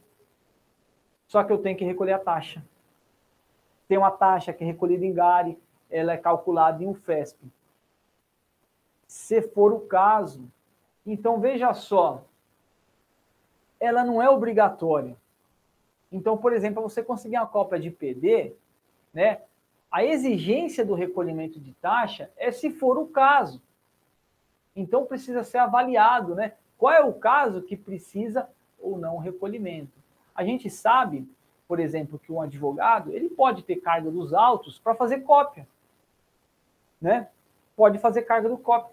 E hoje, né, tem muita digitalização. Né? A grande parte dos documentos hoje é feita a cópia dele de que forma? Digitalizada. Então você tem o original, né? E a cópia você pode ter, inclusive, ter digitalizada, né?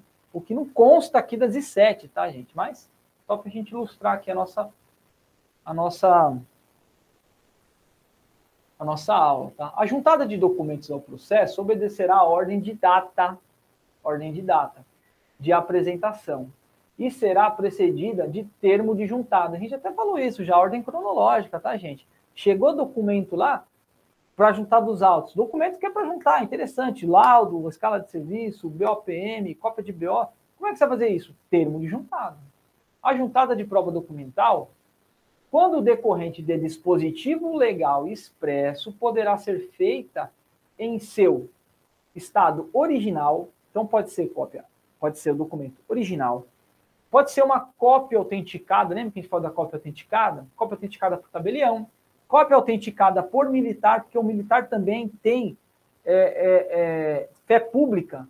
O militar estadual, ele também tem fé pública para autenticar um documento. Por exemplo, ele vai lá no seu assentamento individual, quando você vai na secretaria é, é, é, do CPA, ele vai olhar o seu assentamento e pode fazer uma, é, uma cópia daquele, daquele documento, daquela parte, e carimbar lá, certifico, autenticação com original, certifico que corresponde ao original. O militar também pode autenticar documento, ok? E ou por servidor público, né? O servidor público ele tem fé pública para autenticar documento, documento que seja né, público, né? Não vai pegar um documento particular, né? Ou ainda pela transcrição ou cópia do, da, da publicação do órgão oficial. Qual é o órgão oficial que publica os documentos no âmbito do Estado de São Paulo, gente? É o Diário Oficial do Estado, dói, a gente já sabe, ok? Então, quando vai juntar a cópia do Diário Oficial, tem que juntar o extrato inteiro, ok? É, a cópia autenticada por tabelião dispensa qualquer conferência com o documento original, né?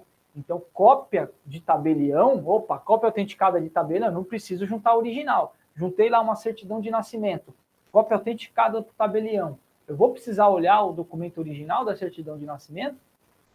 Não precisa.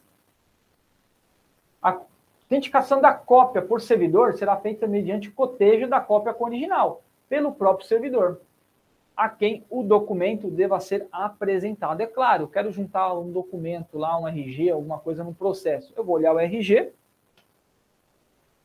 Vou olhar a cópia, opa, bateu, tá tudo certo e autentico o documento como militar, né, ou como servidor público, ok?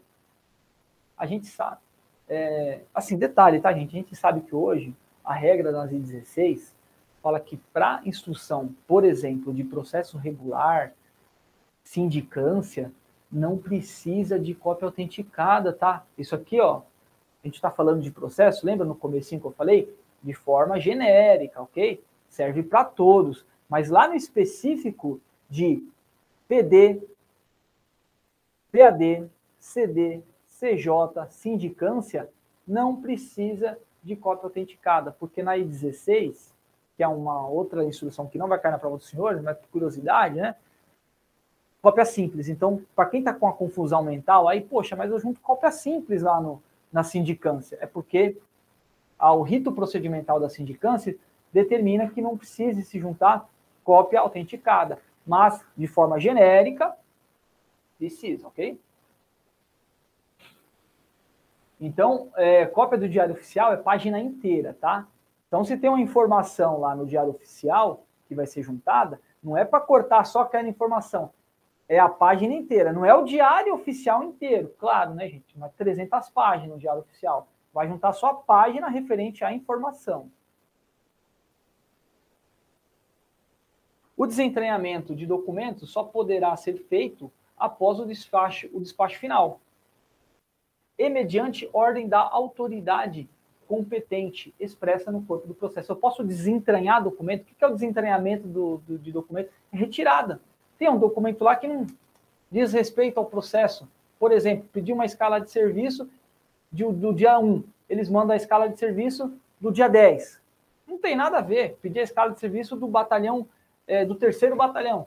Veio a escala de serviço do trigésimo batalhão. Gente, desentrei, tem que ter desentranhamento do documento, tá? Vai desentranhar. E aí precisa ter despacho da autoridade para fazer o desentranhamento. Não vai você, escrivão, lá tirar o documento e acabou. Não pode, né? Tem que ter o termo. Da juntada e desentranhamento de documentos, ou seja, estou colocando e tirando documento, lavrar-se-á os termos constantes nos anexos 7 e 8, tá? Gente, as I7 têm anexo, né? Os senhores têm acesso aí é, por meio da intranet PM. Não precisa, nem precisa olhar, por isso que eu não coloquei aqui. Alguns aqui eu coloquei a gente vai ver. Mas não precisa nem olhar. É o termo de desentranhamento de juntado, ok?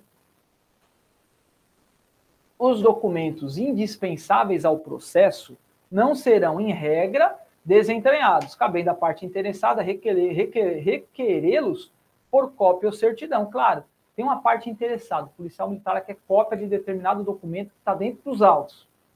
Eu vou tirar o documento dos autos para o policial militar? Claro que não, né? Eu posso fazer por meio de cópia. Ou por meio do quê? De certidão. A certidão ou cópia, se convier, poderá ficar no processo, substituindo o original. Nesse caso, lavrar-se-á o respectivo termo. Aí sim, né? Tem um documento original lá, por exemplo, policial militar, na hora de fazer o depoimento, é, é, para fornecer a cópia do ou um civil, por exemplo, foi ouvido nos autos de um IPM. Aí ele deu o, RG dele para juntar no documento, no processo. Gente, o RG não, né? Aí a gente vai lá, tira a cópia do RG e dá o RG original pro cara. Vai que acontece. A hipótese, né? De ter acontecido isso, né? Entende-se por incorporação de processo a juntada de um processo ao outro, quando ambos versarem sobre o mesmo assunto e o interessado foi o mesmo. Então, olha só, o que é a incorporação? Tem dois processos. Só que é o seguinte, eles estão tratando do mesmo assunto e é o mesmo interessado, o mesmo policial. Imagina um policial militar que está respondendo dois PD. Um PD, ele estava na companhia, na primeira companhia, estourou um PD. Aí ele foi movimentado para a segunda companhia. O comandante lá instaurou um PD do mesmo fato. Pô, não, comandante, mas já estou com um PD aqui. O que vai fazer? Vai juntar esses dois PDs. Ok? É, é... E assim, né? Vai prevalecer qual? O mais antigo. Junta-se o mais o mais recente e o mais antigo é que dá continuidade, ok? Eles podem, inclusive, ser desincorporados, né? Se haver necessidade. Voltando-se né, à numeração das folhas para sua ordem original, ok? A pensamento é a união de um processo a outro em caráter temporário. Eu posso juntar um processo no outro de caráter temporário? Posso também, por isso que ele vai a pensar. Ele não vai incorporar, olha o termo que diferente. Incorporação de processo é quando eles se juntam definitivamente. Mesmo assunto, mesmo interessado. A pensamento, união de processo de forma temporária. A partir do momento que acabou o interesse daquele processo que foi apensado, ele vai ser o quê? Desapensado. Ok? É isso que diz aí a, é, é o que fala aqui a ZI7PM, tá? Nenhum processo em andamento poderá permanecer no órgão requisitante por mais de cinco dias, salvo se lei, decreto ou ou regulamento prever outro prazo. Fiz um requerimento para um processo, ele não vai ficar mais do que cinco dias lá, tá ok? Tem que devolver. Processo extraviado. O que aconteceu? Alguém já viu isso acontecer? Sumiu um PD? Desapareceu um IPM? Pode acontecer. Se acontecer, o que vai se fazer, gente? Toca com a cópia. Não tem que ser feito cópia do IPM, ainda que digital. Cópia digitalizada, né? Você não precisa ficar tirando cópia, xerox, né, gente? Faz a cópia digital. Ali, ó, PDF, né? Vai escaneando o processo, deixa digitalizado. Sumiu o principal, não tem problema. Toca com o processo digitalizado, ok? Para sua restauração. Olha lá, se existir cópia ou certidão, é, será essa considerada como original. E certamente vai existir, né? Porque todo processo tem que fazer em duas vias, a menos que, sei lá, você está fazendo processo digital e o computador pifou, caiu a rede e sumiu, né? Por isso que está salvo na rede também, né, pessoal? O recebimento de correspondência que ensejar resposta à origem deverá ser restituído informado juntamente com todos os documentos originais que componham o protocolizado. Claro, né? Exemplo, OS para operação pensamento, restitui com resultado. Você está de CGP lá, recebeu um OS para fazer uma operação pensamento, uma operação bloqueio, é, uma, uma operação de policiamento ostensivo, que seja, e aí você tem que fez lá a planilha de abordado, de veículo vistoriado, BOPM que tenha sido instaurado. Você vai restituir a OS com todos os documentos que foram produzidos, ok? Tranquilo. O encaminhamento da correspondência poderá ser feito, conforme o caso, por meio de ofício, informação, parte ou despacho. Também, né? É uma outra hipótese aí. O ofício será usado quando o documento for encaminhado à autoridade estranha à instituição e, eventualmente, entre órgãos. A gente já falou aqui do ofício, né? Largamente. A informação será usada para encaminhar requerimentos, ao mesmo tempo que se prestam elementos informativos. Mesma coisa que a gente já tratou, né? A gente já tratou aqui ó, de informação de parte. Olha lá, de novo, de subordinado para o superior. E sempre o quê? Dentro do mesmo órgão, tá, gente? Então, parte, só ratificando, né? Quando é que eu vou fazer a parte? Quando é que tem que ser elaborada uma parte?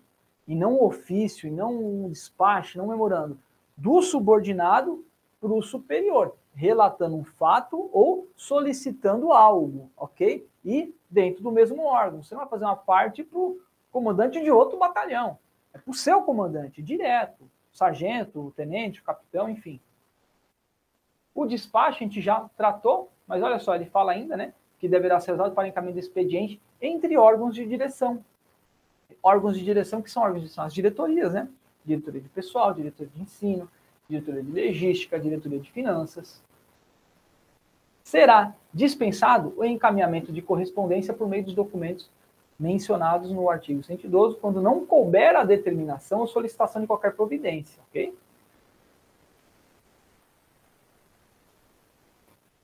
Tranquilo?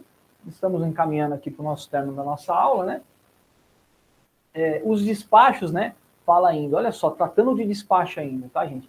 Decisório ou final. O que é decisório final? Põe termo a questão. Chegou lá no final do processo, né? Eu vou fazer um relatório. Aquele relatório vai ser por meio de um despacho, né? E o interlocutório. Despacho interlocutório é aquele despacho que você vai fazer no meio do processo, né? Que é o, que o presidente do processo, né?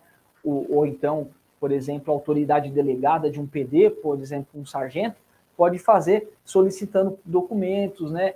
É, é, é, determinando providências, despachos interlocutório. Ele é parcial. E o despacho ordenatório, que demanda também, né? Ele pode ser, é, o ordenatório, ele pode inclusive ser é, de cunho interlocutório ou decisório, né? E, porque ele vai dar ali andamento é, é, no processo, ok? E os despachos poderão ser manuscritos e firmados no documento em solução. A continuação, a gente já falou sobre isso, né? Olha lá, por carimbo, né? Aquele carimbo, o despacho como carimbo. E ainda tem os requerimentos, né? A gente falou do requerimento lá no começo da aula, né? Vamos falar de novo aqui. Papel sulfite A4, pode ser digitado, datilografado. Tem que ter é, especificidade para cada assunto, ok?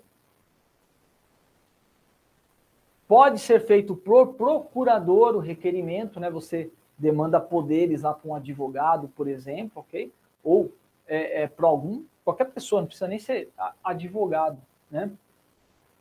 É...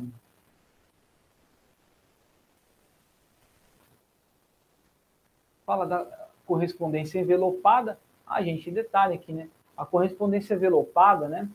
É, é, é importante citar aqui que o envelope de correspondência é, sigilosa, quando for classificada como secreta, ela vai ser em dois envelopes, hein? Primeiro envelope, a informação vai estar o destinatário, ok?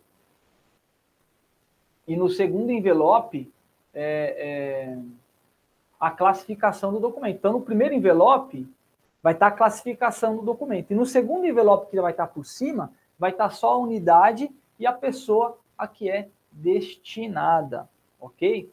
Pessoal, é, conseguimos aqui, né? Está chegando ao final da nossa aula, que nosso tempo está acabando, ok?